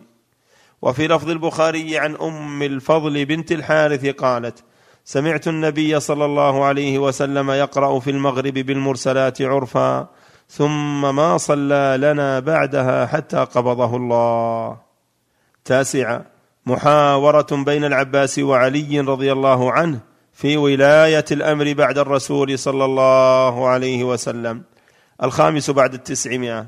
عن عبد الله بن كعب بن مالك الأنصاري وكان كعب بن مالك أحد الثلاثة الذين تيب عليهم. أن عبد الله بن عباس رضي الله عنه أخبره أن علي بن أبي طالب رضي الله عنه خرج من عند رسول الله صلى الله عليه وسلم في وجعه الذي توفي فيه. فقال الناس يا أبا الحسن كيف أصبح رسول الله صلى الله عليه وسلم؟ فقال أصبح بحمد الله بارئا. فأخذ بيده عباس بن عبد المطلب فقال له أنت والله بعد ثلاث عبد العصا وإني والله لا أرى رسول الله صلى الله عليه وسلم سوف يتوفى من وجعه هذا. إني لأعرف وجوه بني عبد المطلب عند الموت. اذهب بنا إلى رسول الله صلى الله عليه وسلم فلنسأله في من هذا الأمر. إن كان فيها إعادة إن كان فينا علمنا ذلك وإن كان في غيرنا علمناه فأوصى بنا. فقال علي إنا والله لئن سألناها رسول الله صلى الله عليه وسلم فمنعناها لا يعطيناها الناس بعده. وإني والله لا أسألها رسول الله صلى الله عليه وسلم. أخرجه البخاري. عاشرا قوله عليه الصلاة والسلام إيتوني بكتاب أكتب لكم. السادس بعد التسعمائة.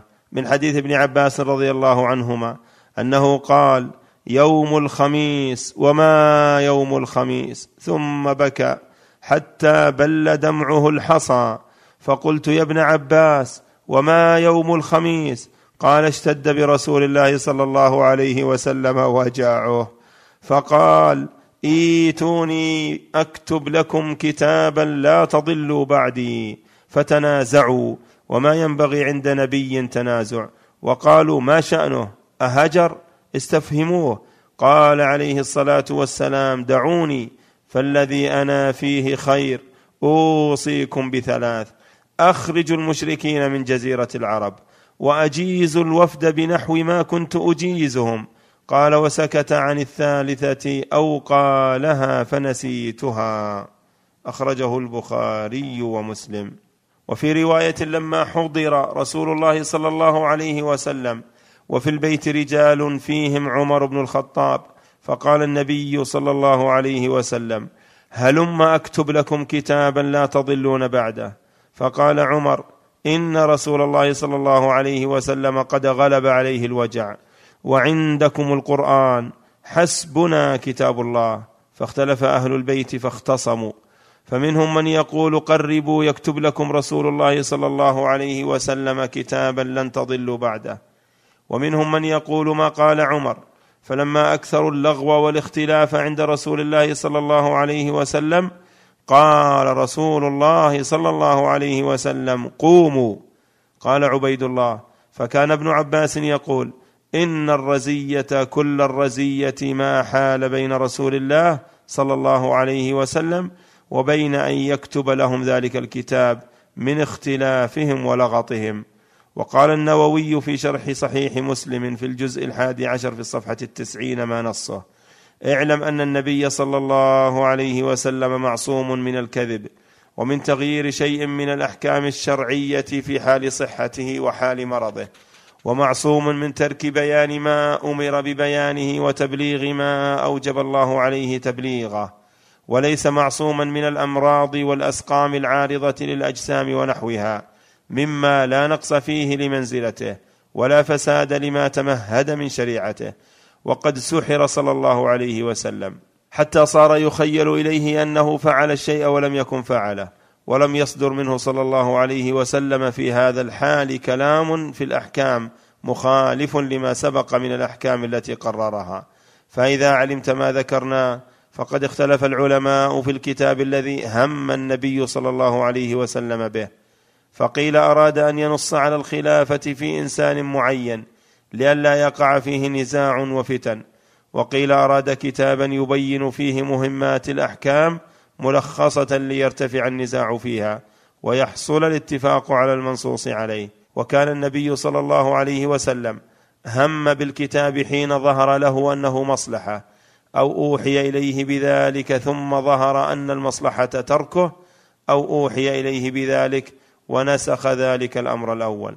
وأما كلام عمر رضي الله عنه فقد اتفق العلماء المتكلمون في شرح الحديث على أنه من دلائل فقه عمر وفضائله ودقيق نظره لأنه خشي أن يكتب صلى الله عليه وسلم أمورا ربما عجزوا عنها واستحقوا العقوبة عليها لأنها منصوصة لا مجال للاجتهاد فيها فقال عمر حسبنا كتاب الله.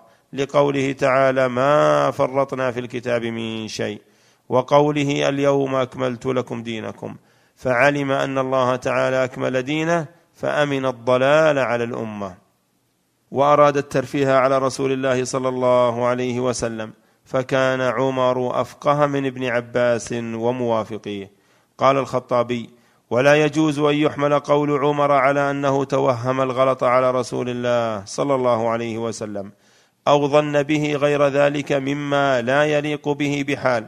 لكنه لما رأى ما غلب على رسول الله صلى الله عليه وسلم من الوجع وقرب الوفاة مع ما اعتراه من الكرب خاف أن يكون ذلك القول مما يقوله المريض مما لا عزيمة له فيه. فيجد المنافقون بذلك سبيلا إلى الكلام في الدين.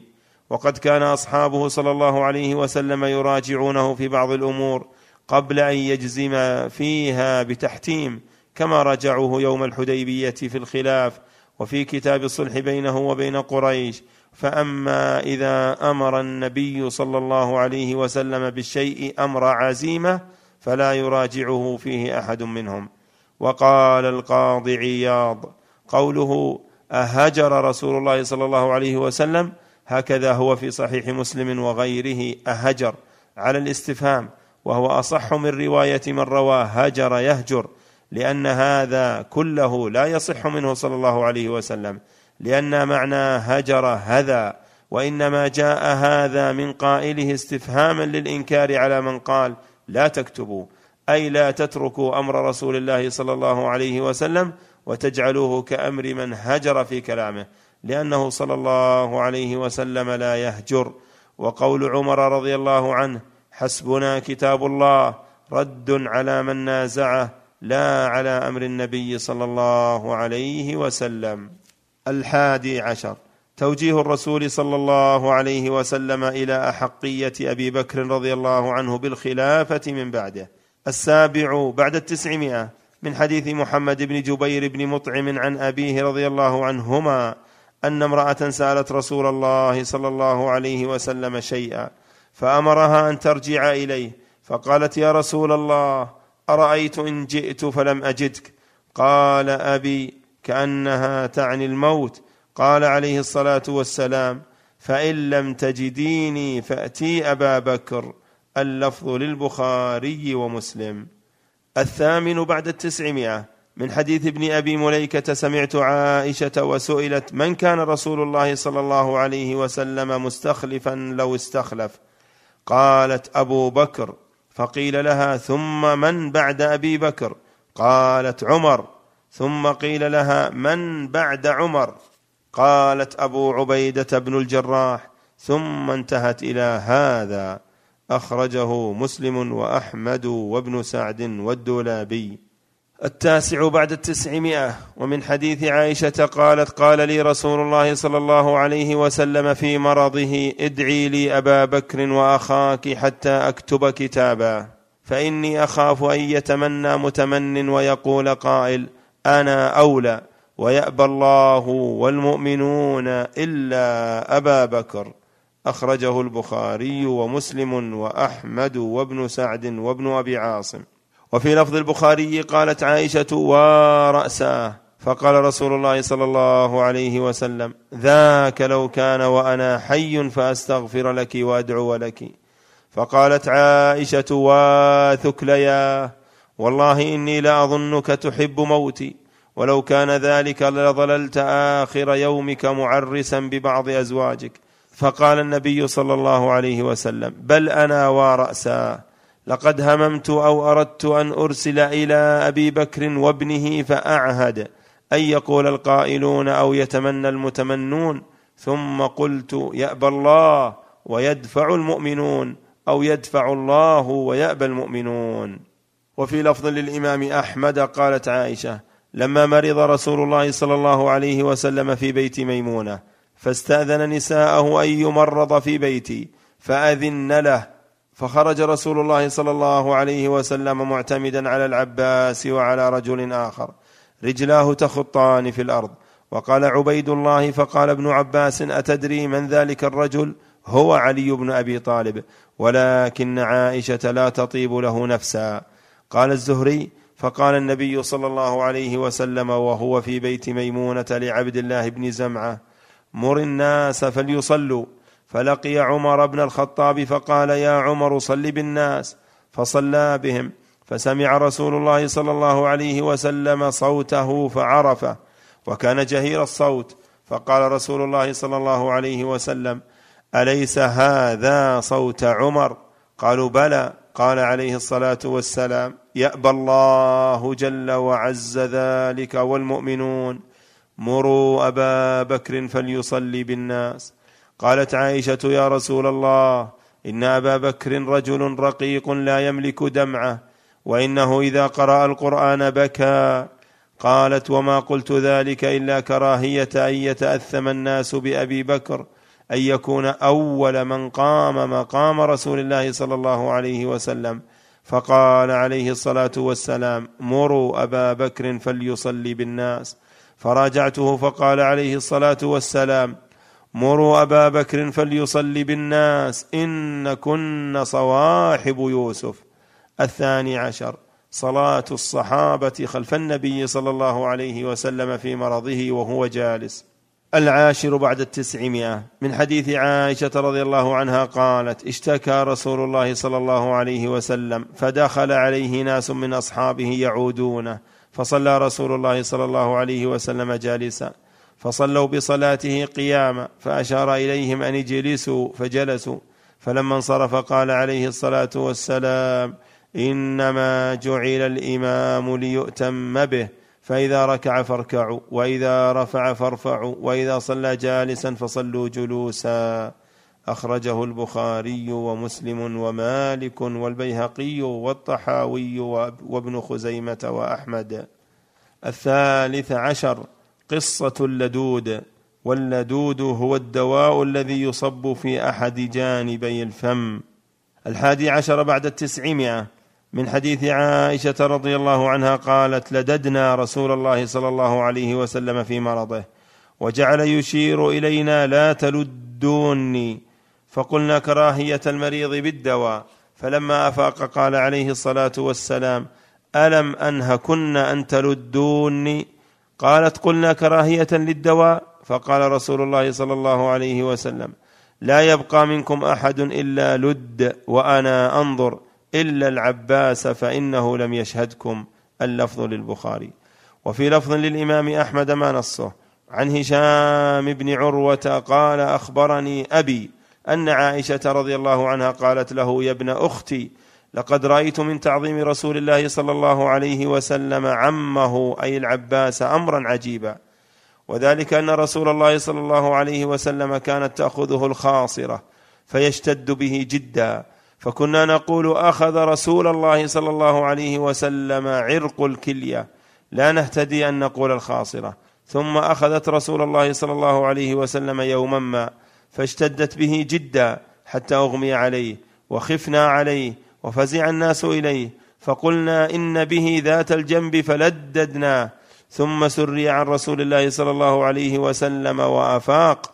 وعرف أنه قد لد ووجد أثر اللدود. فقال عليه الصلاة والسلام ظننتم أن الله عز وجل سلطها علي؟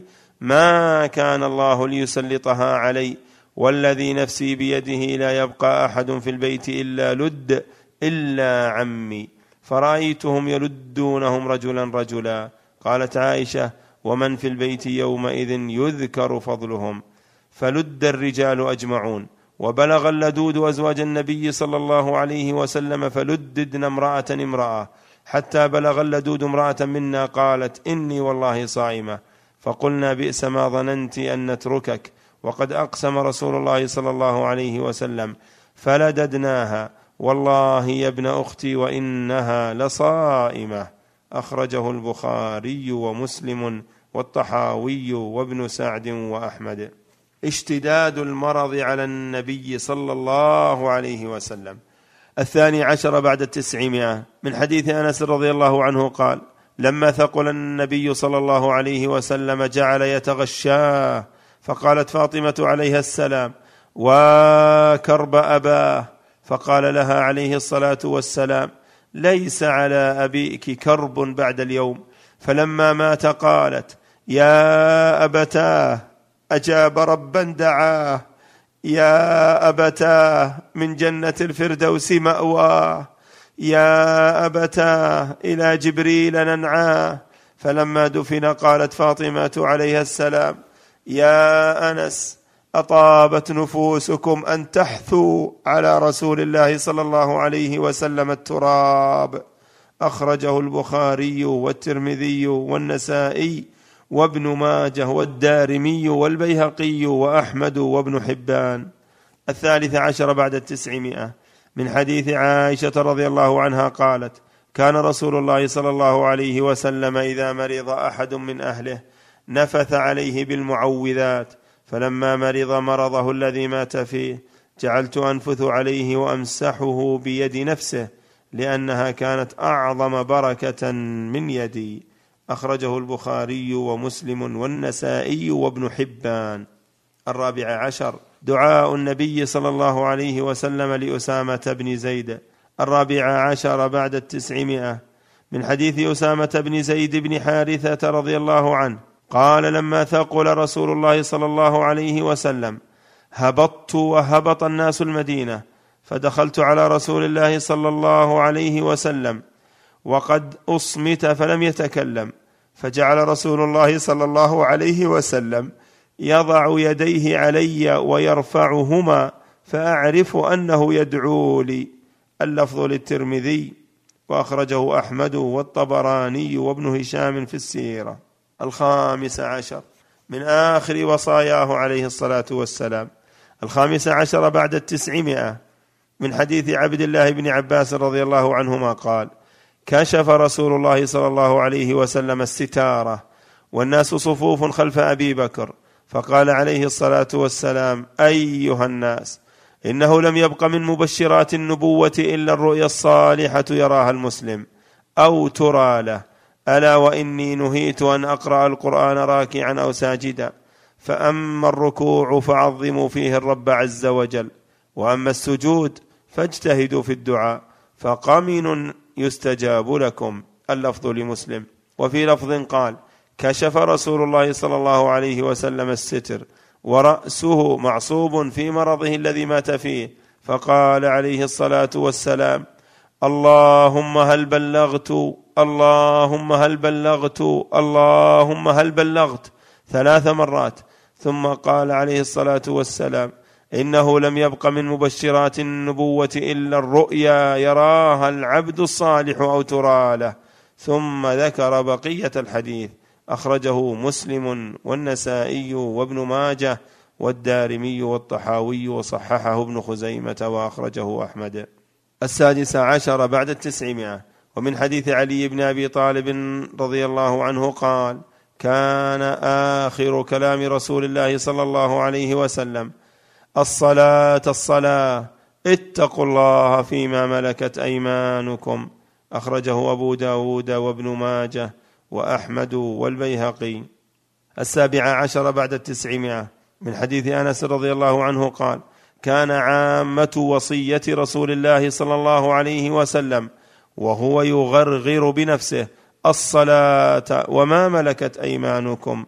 أخرجه ابن ماجه وأحمد وابن حبان والنسائي والحاكم.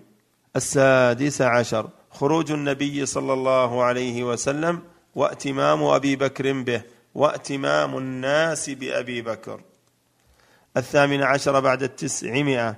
من حديث عائشة رضي الله عنها قالت لما ثقل رسول الله صلى الله عليه وسلم جاء بلال يؤذنه بالصلاة فقال عليه الصلاة والسلام مروا أبا بكر فليصلي بالناس. قالت فقلت يا رسول الله إن أبا بكر رجل أسيف وإنه متى يقم مقامك؟ لا يسمع الناس فلو أمرت عمر. فقال عليه الصلاة والسلام مروا أبا بكر فليصلي بالناس. قالت فقلت لحفصة قولي له إن أبا بكر رجل أسيف وإنه متى يقم مقامك لا يسمع الناس؟ فلو أمرت عمر فقالت له فقال رسول الله صلى الله عليه وسلم إن كن لأنتن صواحب يوسف مروا أبا بكر فليصلي بالناس. قالت فأمروا أبا بكر يصلي بالناس. قالت فلما دخل في الصلاة وجد رسول الله صلى الله عليه وسلم من نفسه خفة فقام يهادى بين رجلين ورجلاه تخطان في الأرض. قالت فلما دخل المسجد سمع أبو بكر حسة ذهب يتأخر فأومأ إليه رسول الله صلى الله عليه وسلم قم مكانك فجاء رسول الله صلى الله عليه وسلم حتى جلس عن يسار أبي بكر. قالت فكان رسول الله صلى الله عليه وسلم يصلي بالناس جالسا وابو بكر قائما يقتدي ابو بكر بصلاة النبي صلى الله عليه وسلم ويقتدي الناس بصلاة ابي بكر اللفظ لمسلم. السابع عشر. نهيه صلى الله عليه وسلم عن اتخاذ القبور مساجد.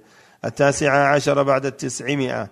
من حديث جندب بن عبد الله البجلي رضي الله عنه أنه سمع النبي صلى الله عليه وسلم قبل أن يموت بخمس وهو يقول قد كان لي فيكم إخوة وأصدقاء وإني أبرأ إلى الله أن يكون لي فيكم خليل وإن الله عز وجل اتخذني خليلا كما اتخذ إبراهيم خليلا ولو كنت متخذا من أمتي خليلا لاتخذت أبا بكر خليلا ألا وإن من كان قبلكم كانوا يتخذون قبور أنبيائهم وصالحيهم مساجد. ألا فلا تتخذوا القبور مساجد فإني أنهاكم عن ذلك. اللفظ لأبي عوانة وأخرجه مسلم والطبراني وابن سعد. العشرون بعد التسعمائة. من حديث عائشة وابن عباس رضي الله عنهم أن رسول الله صلى الله عليه وسلم لما حضرته الوفاة جعل يلقي على وجهه طرف خميصة له فإذا اغتم كشفها عن وجهه وهو يقول صلى الله عليه وسلم لعنة الله على اليهود والنصارى اتخذوا قبور أنبيائهم مساجد تقول عائشة يحذر مثل الذي صنعوا أخرجه البخاري ومسلم. الحادي والعشرون بعد التسعمائة من حديث أبي عبيدة بن الجراح رضي الله عنه قال آخر ما تكلم به النبي صلى الله عليه وسلم. أخرجوا يهود أهل الحجاز وأهل نجران من جزيرة العرب واعلموا أن شرار الناس الذين اتخذوا قبور أنبيائهم مساجد.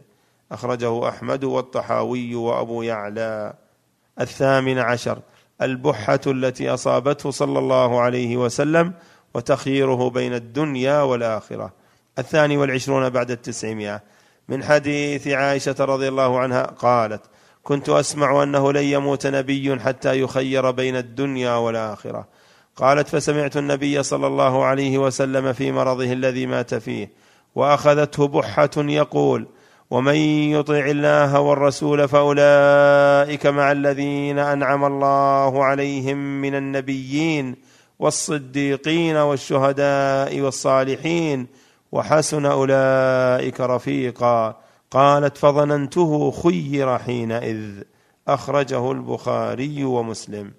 وفي رواية قالت عائشة كان رسول الله صلى الله عليه وسلم يقول وهو صحيح إنه لم يقبض نبي قط حتى يرى مقعده في الجنة ثم يخير. قالت عائشة فلما نزل برسول الله صلى الله عليه وسلم ورأسه على فخذي غشي عليه ساعة ثم أفاق فأشخص بصره إلى السقف ثم قال عليه الصلاة والسلام اللهم الرفيق الأعلى. قالت عائشة قلت إذا لا يختارنا. قالت عائشة وعرفت الحديث الذي يحدثنا به وهو صحيح في قوله إنه لم يقبض نبي قط حتى يرى مقعده من الجنة ثم يخير. قالت عائشة فكانت تلك آخر كلمة تكلم بها رسول الله صلى الله عليه وسلم قوله اللهم الرفيق الأعلى التاسع عشر تسوكه قبيل موته صلى الله عليه وسلم. الثالث والعشرون بعد التسعمائة من حديث عائشة رضي الله عنها قالت إن من نعم الله علي أن رسول الله صلى الله عليه وسلم توفي في بيتي وفي يومي وبين سحري ونحري وأن الله جمع بين ريقي وريقه عند موته دخل علي عبد الرحمن وبيده السواك وأنا مسندة رسول الله صلى الله عليه وسلم فرأيته ينظر إليه وعرفت أنه يحب السواك فقلت آخذه لك فأشار برأسه أن نعم. فتناولته فاشتد عليه. وقلت ألينه لك؟ فأشار برأسه أن نعم فلينته فأمره وبين يديه ركوة أو علبة يشك عمر فيها ماء فجعل يدخل يديه في الماء فيمسح بهما وجهه يقول عليه الصلاة والسلام لا إله إلا الله إن للموت سكرات. ثم نصب يده فجعل يقول عليه الصلاة والسلام في الرفيق الأعلى حتى قبض ومالت يده. أخرجه البخاري والنسائي وأحمد. العشرون. آخر ابتسامة ابتسمها النبي صلى الله عليه وسلم.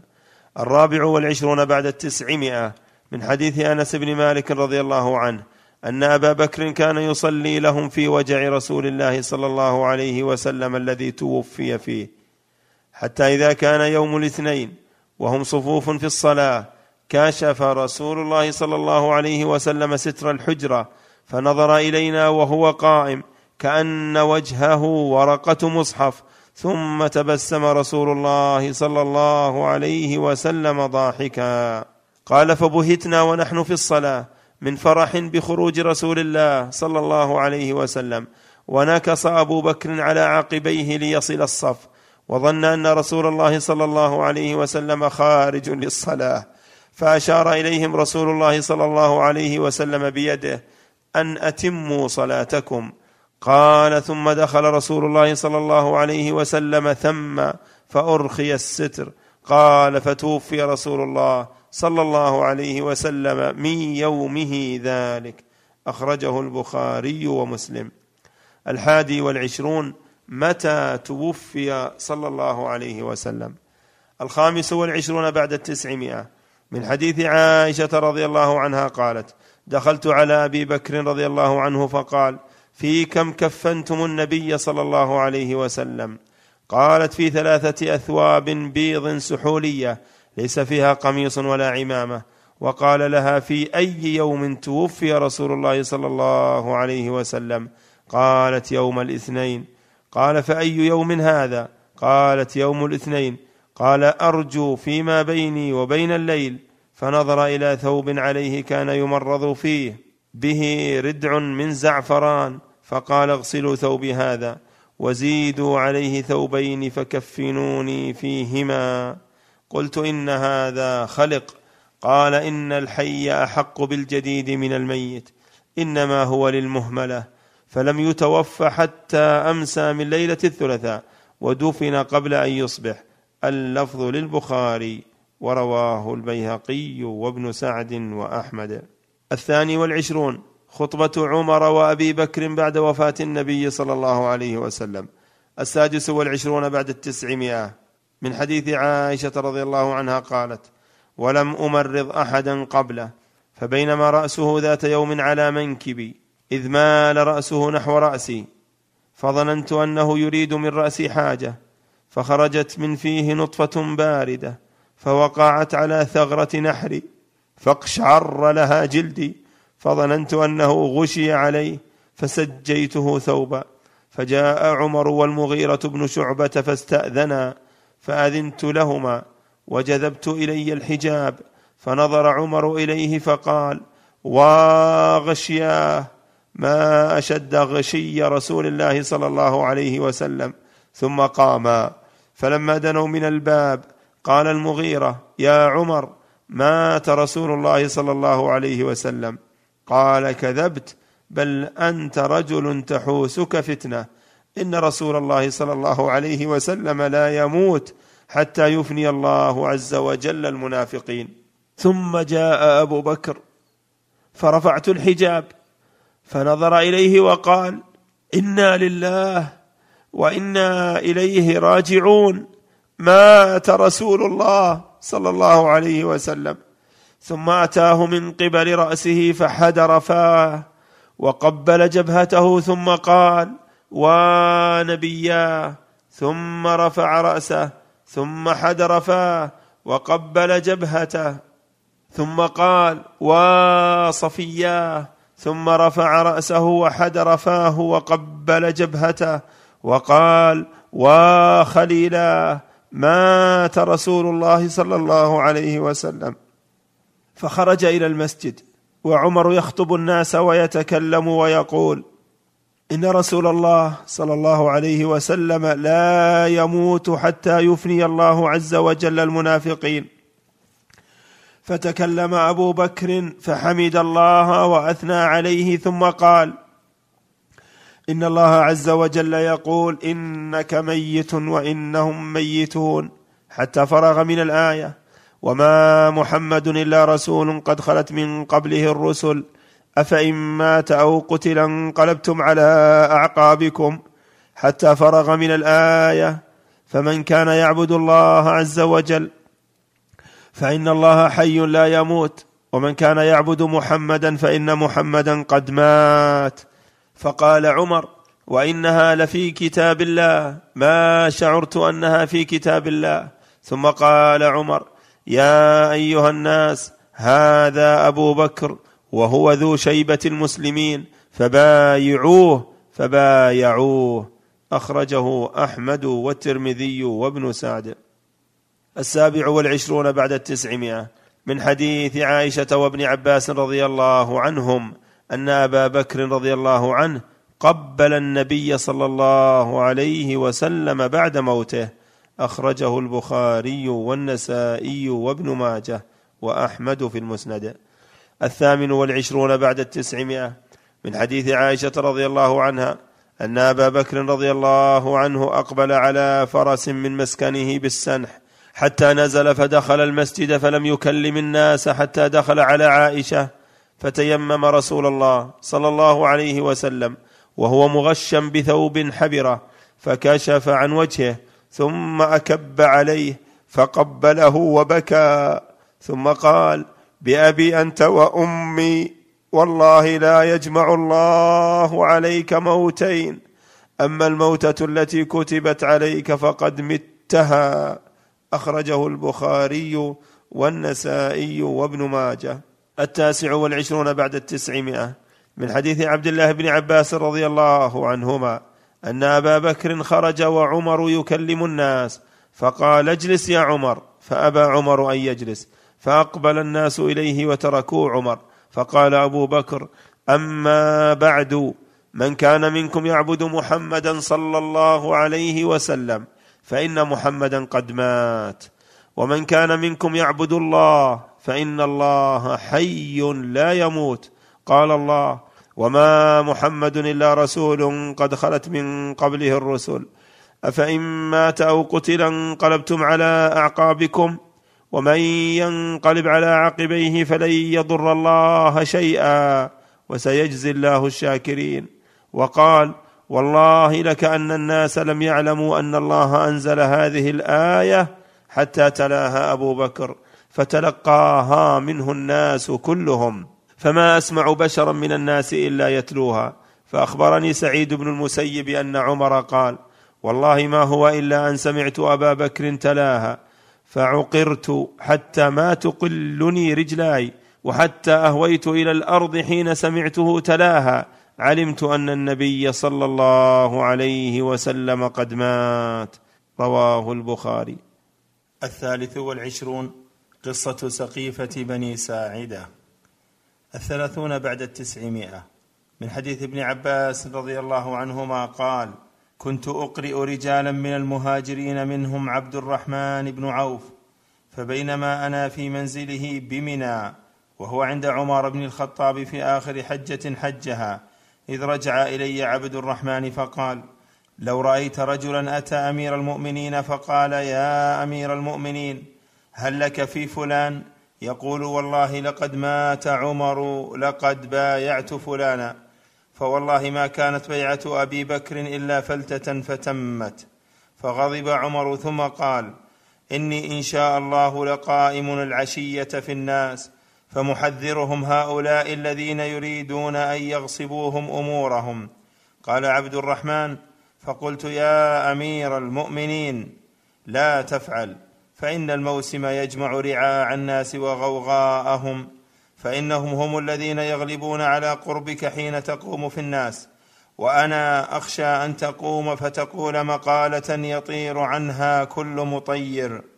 وألا يعوها وألا يضعوها على مواضعها. فأمهل حتى تقدم المدينة.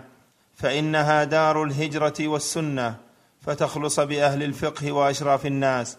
فتقول ما قلت متمكنا. فيعي أهل العلم مقالتك.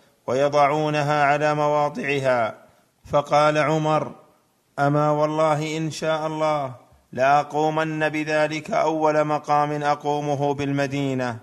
قال ابن عباس فقدمنا المدينة في عقب ذي الحجة.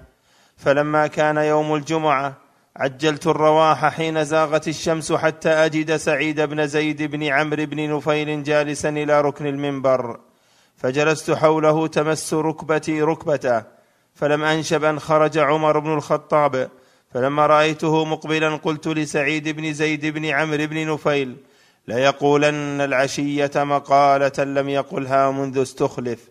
فأنكر علي وقال ما عسيت أن يقول ما لم يقله قبله.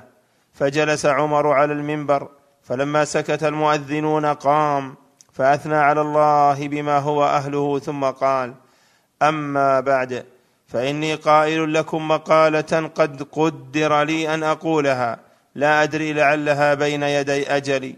فمن عقلها ووعاها فليحدث بها حيث انتهت به راحلته. ومن خشي الا يعقلها فلا أحل لأحد أن يكذب علي. إن الله بعث محمدا صلى الله عليه وسلم بالحق وأنزل عليه الكتاب. فكان مما أنزل الله آية الرجم. فقرأناها وعقلناها ووعيناها. رجم رسول الله صلى الله عليه وسلم ورجمنا بعده. فأخشى إن طال بالناس زمان أن يقول قائل والله ما نجد آية الرجم في كتاب الله. فيضل بترك فريضة أنزلها الله. والرجم في كتاب الله حق على من زنى إذا أحصن من الرجال والنساء إذا قامت البينة. أو كان الحبل أو الاعتراف. ثم إنا كنا نقرأ فيما نقرأ من كتاب الله. لا ترغبوا عن آبائكم فإنه كفر بكم أن ترغبوا عن آبائكم. أو إن كفرا بكم أن ترغبوا عن آبائكم. ألا ثم إن رسول الله صلى الله عليه وسلم قال لا تطروني كما أطري عيسى ابن مريم وقولوا عبد الله ورسوله. ثم إنه بلغني أن قائلا منكم يقول والله لقد مات عمر بايعت فلانا. فلا يغترن امرؤ أن يقول إنما كانت بيعة أبي بكر فلتة وتمت. ألا وإنها قد كانت كذلك ولكن الله وقى شرها وليس فيكم من تقطع الأعناق إليه مثل أبي بكر. من بايع رجلا من غير مشورة من المسلمين فلا يبايع هو ولا الذي بايعه تغرة أن يقتلا وإنه قد كان من خبرنا حين توفى الله نبيه صلى الله عليه وسلم. أن الأنصار خالفونا واجتمعوا بأسرهم في سقيفة بني ساعدة. وخالف عنا علي والزبير ومن معهما. واجتمع المهاجرون إلى أبي بكر. فقلت لأبي بكر يا أبا بكر انطلق بنا إلى إخواننا هؤلاء من الأنصار. فانطلقنا نريدهم. فلما دنونا منهم لقينا منهم رجلان صالحان فذكرا ما تمالأ عليه القوم فقال أين تريدون يا معشر المهاجرين؟ فقلنا نريد إخواننا هؤلاء من الأنصار. فقال لا عليكم ألا تقربوهم أقضوا أمركم. فقلت والله لنأتينهم. فانطلقنا حتى أتيناهم في سقيفة بني ساعدة. فإذا رجل مزمل بين ظهرانيهم فقلت من هذا؟ فقالوا هذا سعد بن عبادة. فقلت ما له؟ قالوا يوعك. فلما جلسنا قليلا تشهد خطيبهم فأثنى على الله بما هو أهله. ثم قال أما بعد فنحن أنصار الله وكتيبة الإسلام وأنتم معشر المهاجرين رهط. وقد دفت دافة من قومكم فإذا هم يريدون أن يختزلونا من أصلنا وأن يخصنونا من الأمر أي يبعدون عنه. فلما سكت أردت أن أتكلم وكنت قد زورت مقالة أعجبتني أريد أن أقدمها بين يدي أبي بكر وكنت أداري منه بعض الحد. فلما أردت أن أتكلم قال أبو بكر على رسلك فكرهت أن أغضبه. فتكلم أبو بكر فكان هو أحلم مني وأوقر. والله ما ترك من كلمة أعجبتني في تزويري إلا قال في بديهته مثلها أو أفضل منها حتى سكت. فقال ما ذكرتم فيكم من خير فأنتم له أهل ولن يعرف هذا الأمر إلا لهذا الحي من قريش. هم أوسط العرب نسبا ودارا وقد رضيت لكم أحد هذين الرجلين فبايعوا أيهما شئتم فأخذ بيدي ويد أبي عبيدة بن الجراح وهو جالس بيننا فلم أكره مما قال غيرها. كان والله أن أقدم فتضرب عنقي لا يقربني ذلك من إثم أحب إلي من أن أتأمر على قوم فيهم أبو بكر. اللهم إلا أن تسول لي نفسي عند الموت شيئا لا أجده الآن. فقال قائل من الأنصار أنا جذيلها المحكك وعذيقها المرجب. منا أمير ومنكم أمير يا معشر قريش. فكثر اللغط وارتفعت الأصوات حتى فرقت من الاختلاف. فقلت ابسط يدك يا أبا بكر فبسط يده فبايعته وبايعه المهاجرون. ثم بايعته الأنصار ونزونا على سعد بن عبادة. أي ارتفعنا ووطانا عليه. فقال قائل منهم قتلتم سعد بن عبادة. قلت قتل الله سعد بن عبادة. قال عمر وإنا والله ما وجدنا فيما حضرنا من أمر أقوى من مبايعة أبي بكر. خشينا إن فارقنا القوم ولم تكن بيعة أن يبايعوا رجلا منهم بعدنا فإما بايعناهم على ما لا نرضى وإما نخالفهم فيكون فسادا. فمن بايع رجلا على غير مشورة من المسلمين فلا يتابع هو ولا الذي بايعه تغرة أن يقتلا أخرجه البخاري ومسلم. الرابع والعشرون خطبة عمر وأبي بكر رضي الله عنهما قبل البيعة وبعدها. الحادي والثلاثون بعد التسعمائة. ومن حديث أنس بن مالك رضي الله عنه قال لما بويع أبو بكر في السقيفة وكان الغد جلس أبو بكر على المنبر فقام عمر فتكلم قبل أبي بكر فحمد الله وأثنى عليه بما هو أهله ثم قال أيها الناس إني كنت قلت لكم بالأمس مقالة ما كانت مما وجدتها في كتاب الله ولا كانت عهدا عهده إلي رسول الله صلى الله عليه وسلم ولكني قد كنت أرى أن رسول الله صلى الله عليه وسلم سيدبر أمرنا يقول يكون آخرنا. وإن الله قد أبقى فيكم كتابه الذي به هدى الله رسوله صلى الله عليه وسلم.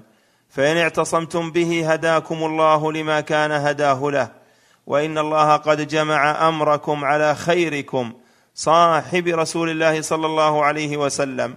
ثاني اثنين إذ هما في الغار. فقوموا فبايعوه. فبايع الناس أبا بكر بيعة العامة بعد بيعة السقيفة.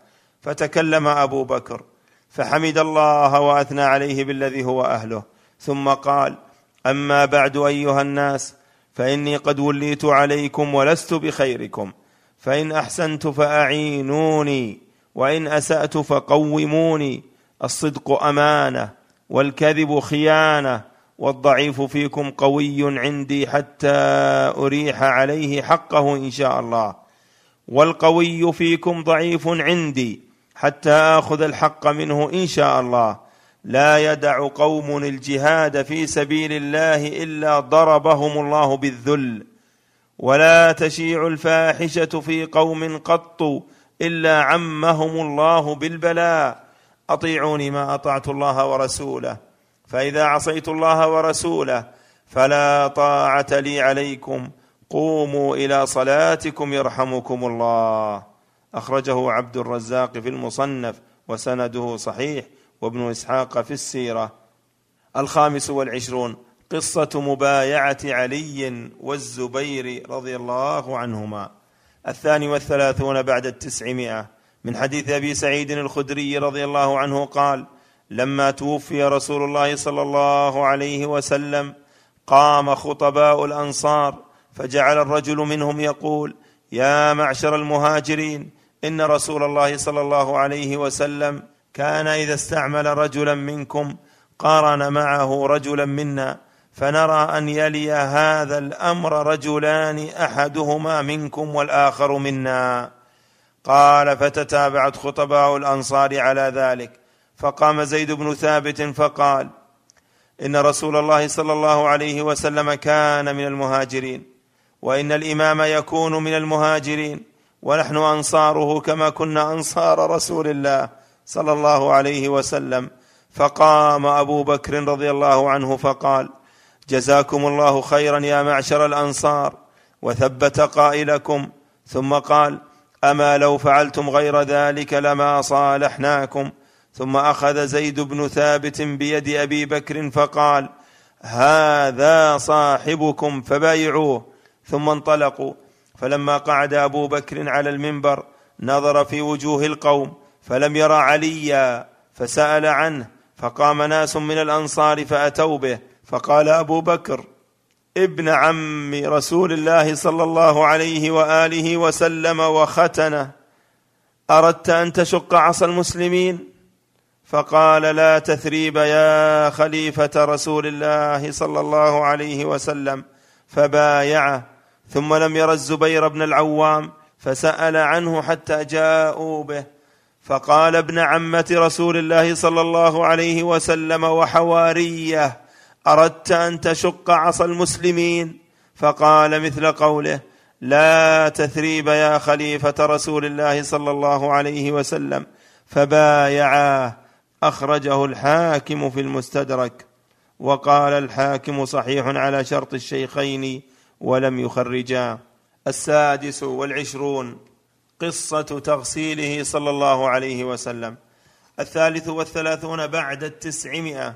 من حديث عائشة رضي الله عنها قالت لما أرادوا غسل النبي صلى الله عليه وسلم قالوا والله ما ندري أنجرد رسول الله صلى الله عليه وسلم من ثيابه كما نجرد موتانا أم نغسله وعليه ثيابه. فلما اختلفوا ألقى الله عز وجل النوم حتى ما فيهم رجل إلا وذقنه في صدره ثم كلمهم مكلم من ناحية البيت لا يدرون من هو أن اغسلوا النبي صلى الله عليه وسلم وعليه ثيابه.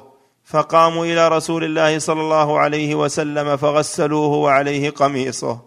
يصبون الماء فوق القميص ويدلكونه بالقميص دون أيديهم فكانت عائشة تقول لو استقبلت من أمري ما استدبرت ما غسله إلا نساؤه اللفظ لأبي داود ورواه ابن ماجه والحاكم والبيهقي.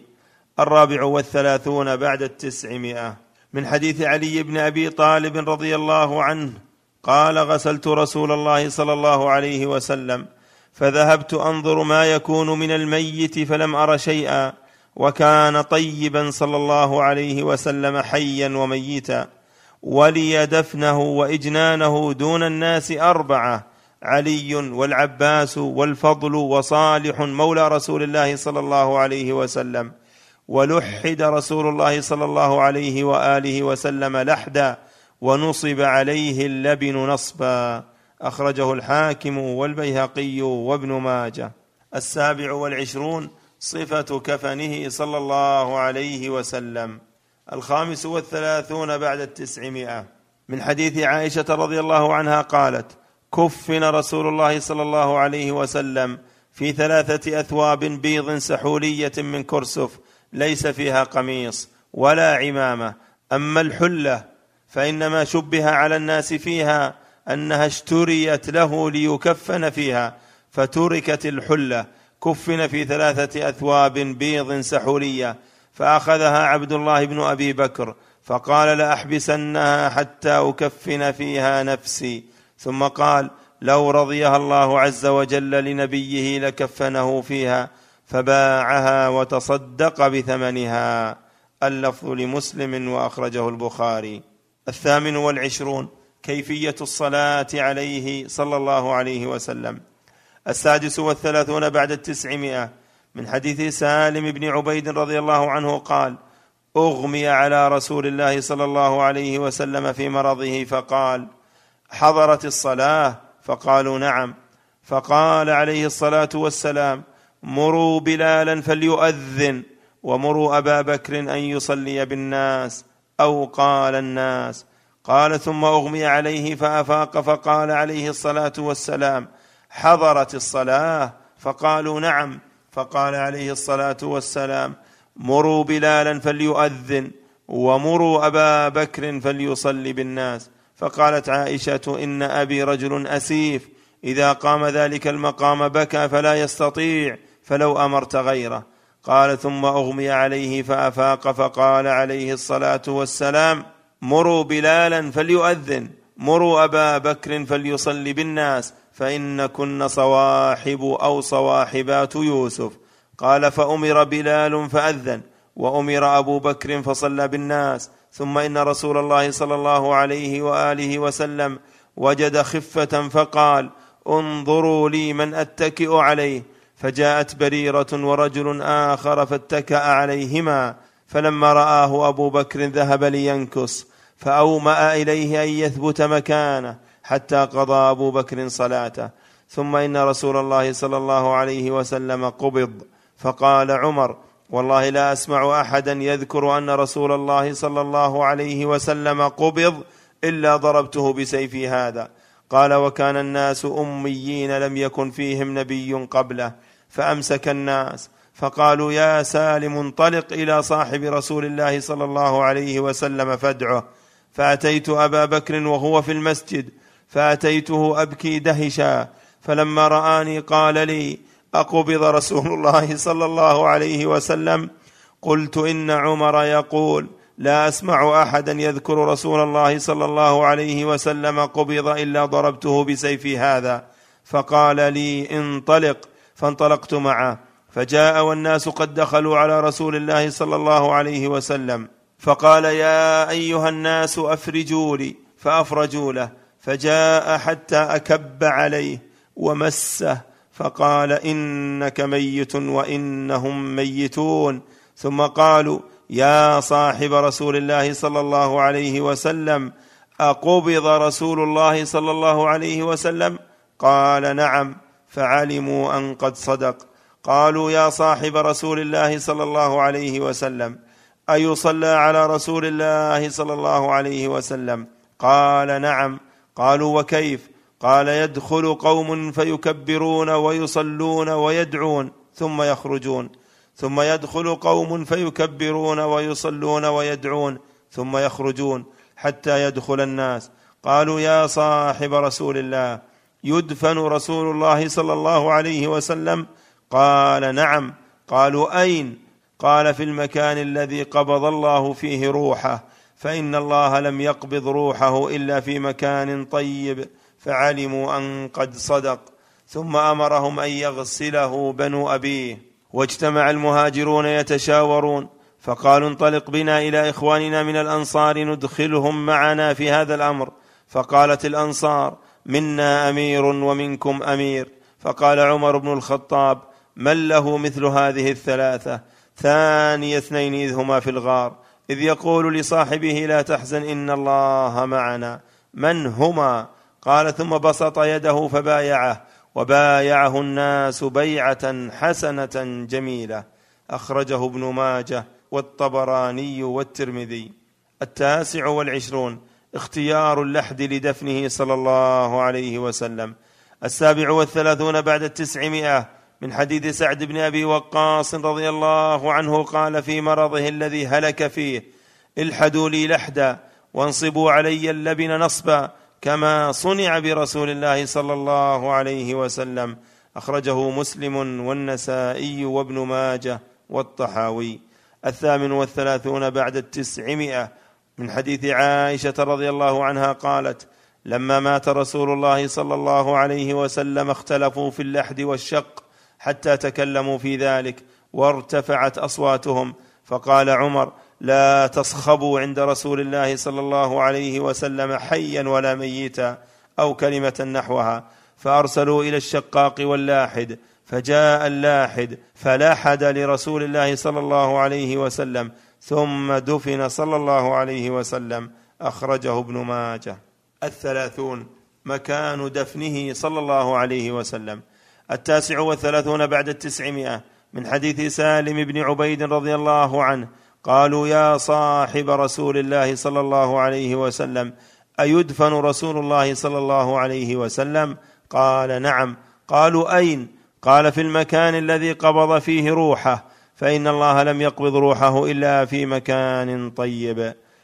الأربعون بعد التسعمائة من حديث عائشة رضي الله عنها قالت لما قبض رسول الله صلى الله عليه وسلم اختلفوا في دفنه.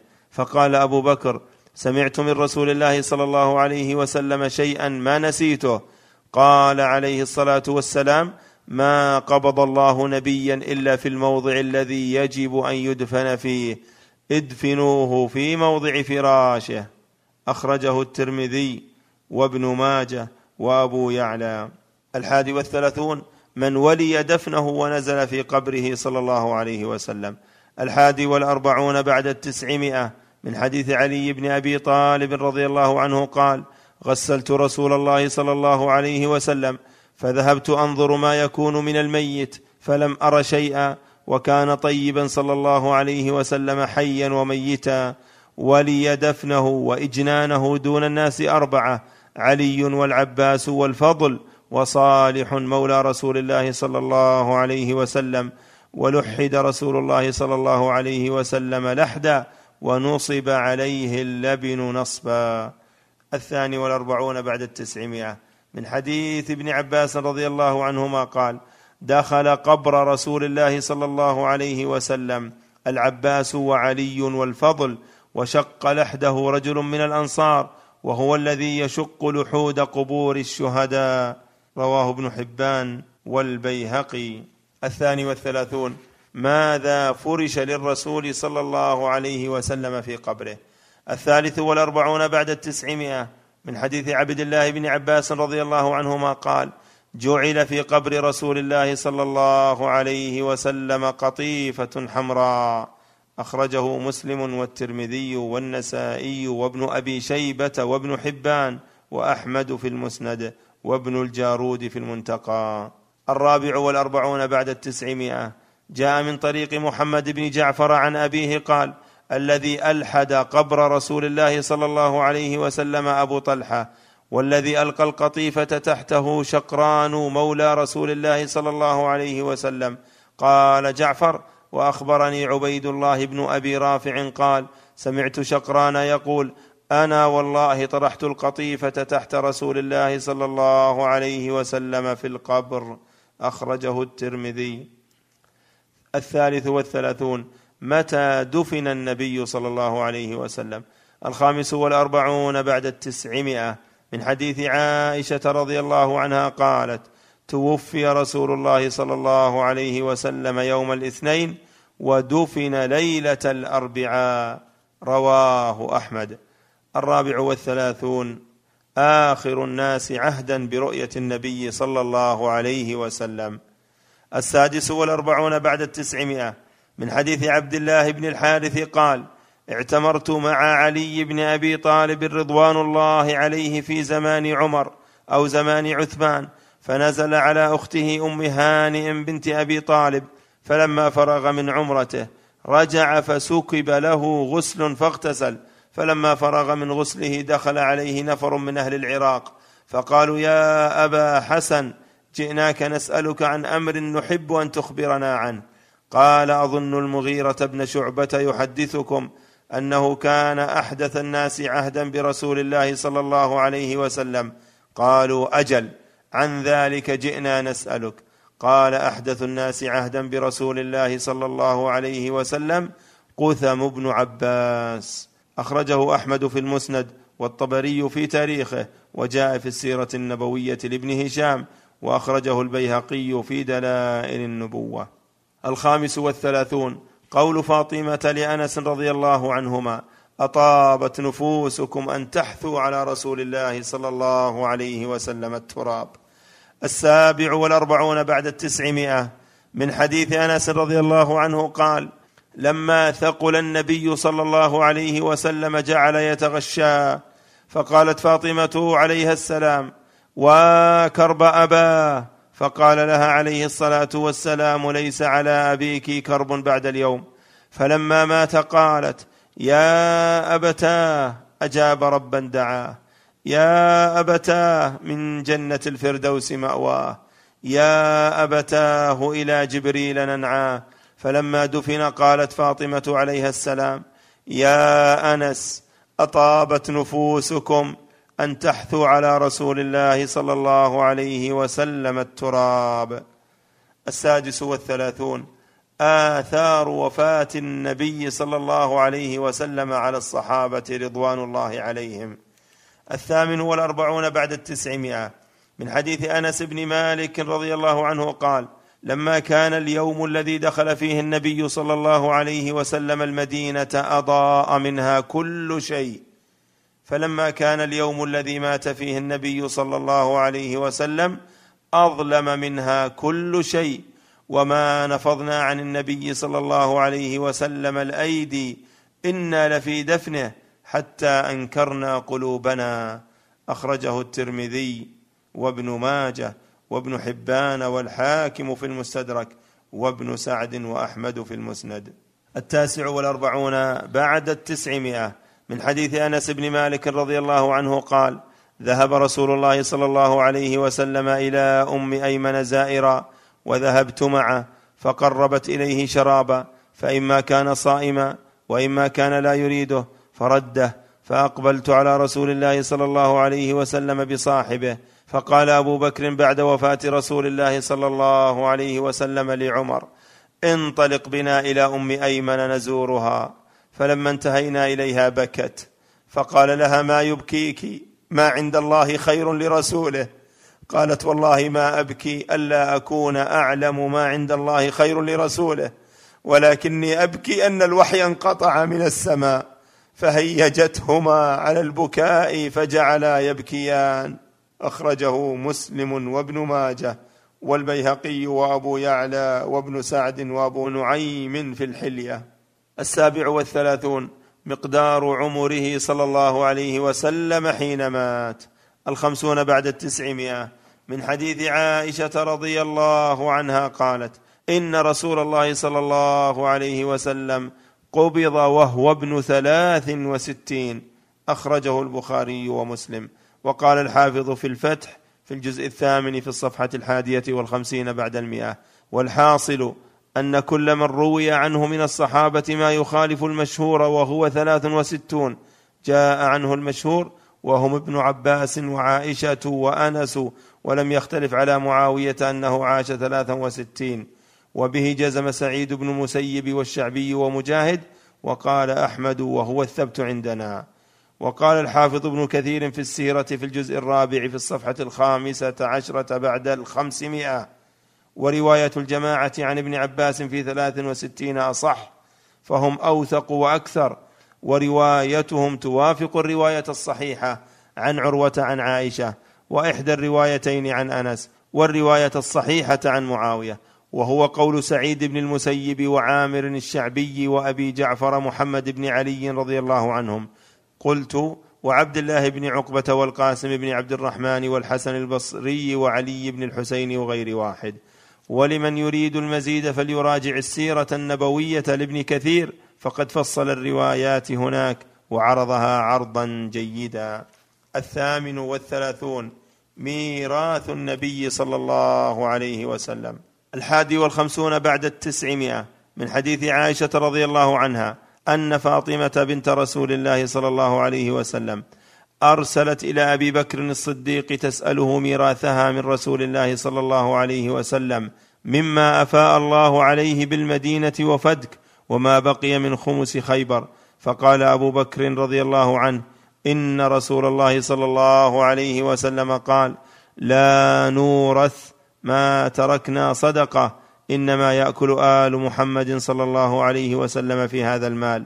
وإني والله لا أغير شيئا من صدقة رسول الله صلى الله عليه وسلم عن حالها التي كانت عليها في عهد رسول الله صلى الله عليه وسلم ولا أعملن فيها بما عمل به رسول الله صلى الله عليه وسلم. إعادة.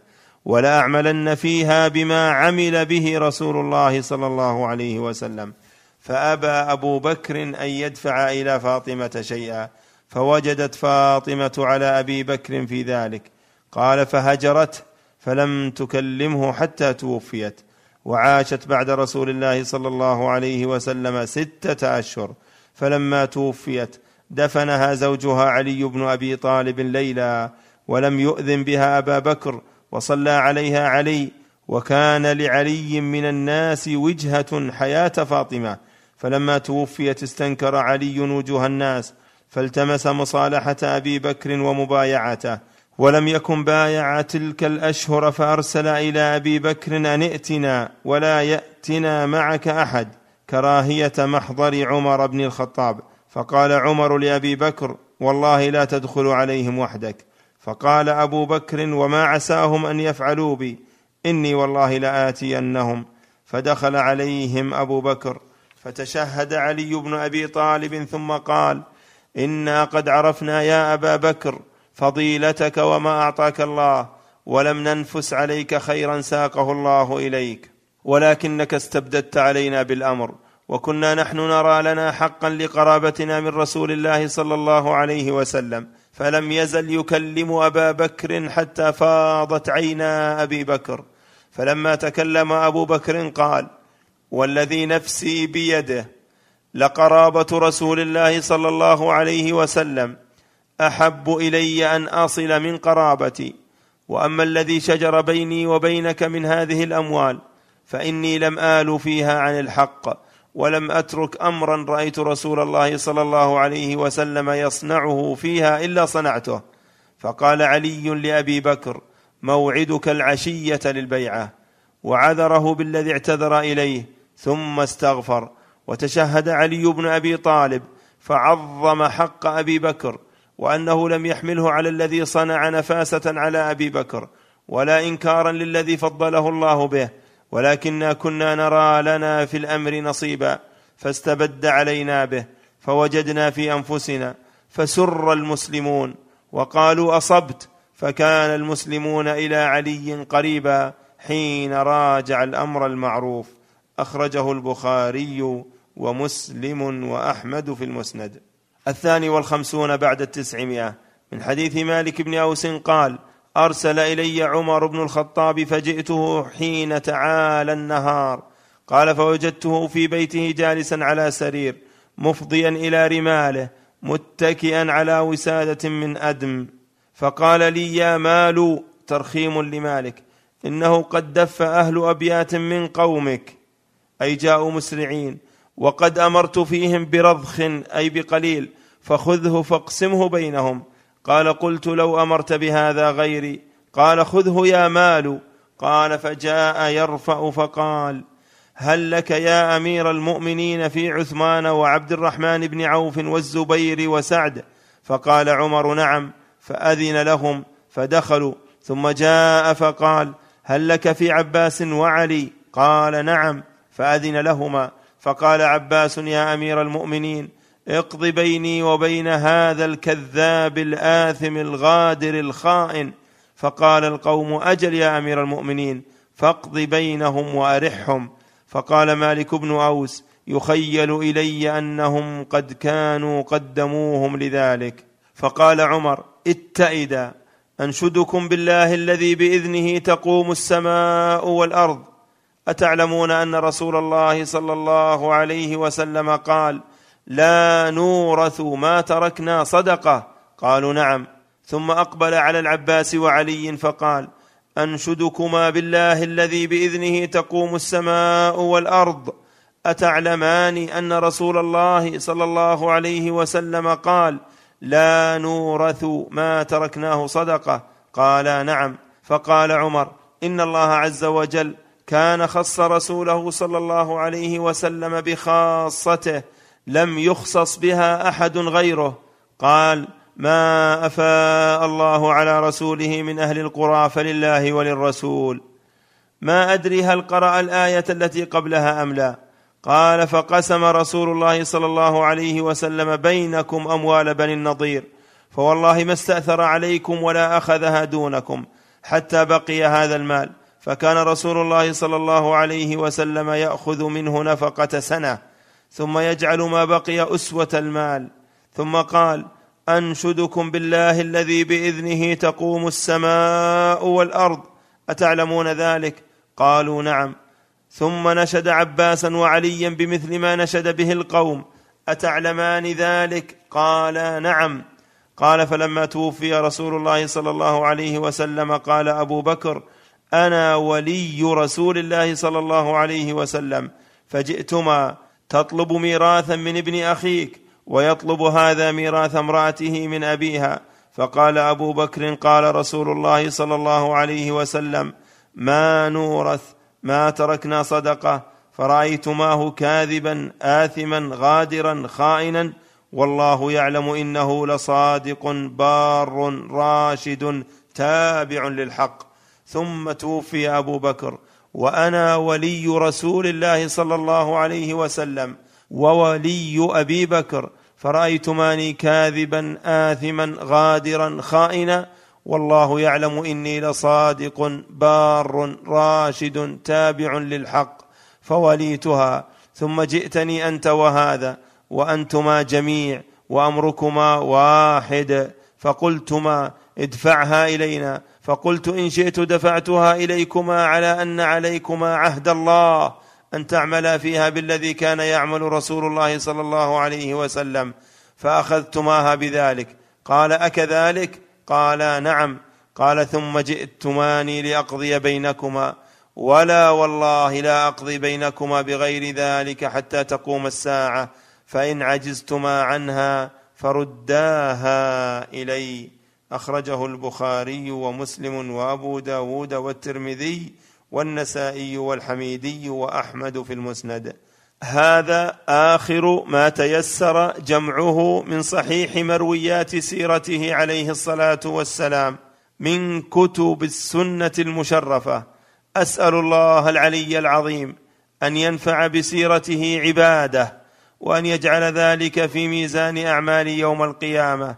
يوم لا ينفع مال ولا بنون إلا من أتى الله بقلب سليم وآخر دعوانا أن الحمد لله رب العالمين كتبه إبراهيم محمد العلي والحمد لله رب العالمين أن تمت قراءة هذا الكتاب صحيح السيرة النبوية عصر الجمعة المباركة الحادي والعشرين من الشهر السادس من عام ستة وثلاثين وأربعمائة وألف الموافق للعاشر من الشهر الرابع من عام ألفين وخمسة عشر. والحمد لله الذي بنعمته تتم الصالحات وصلى الله وسلم وبارك على نبينا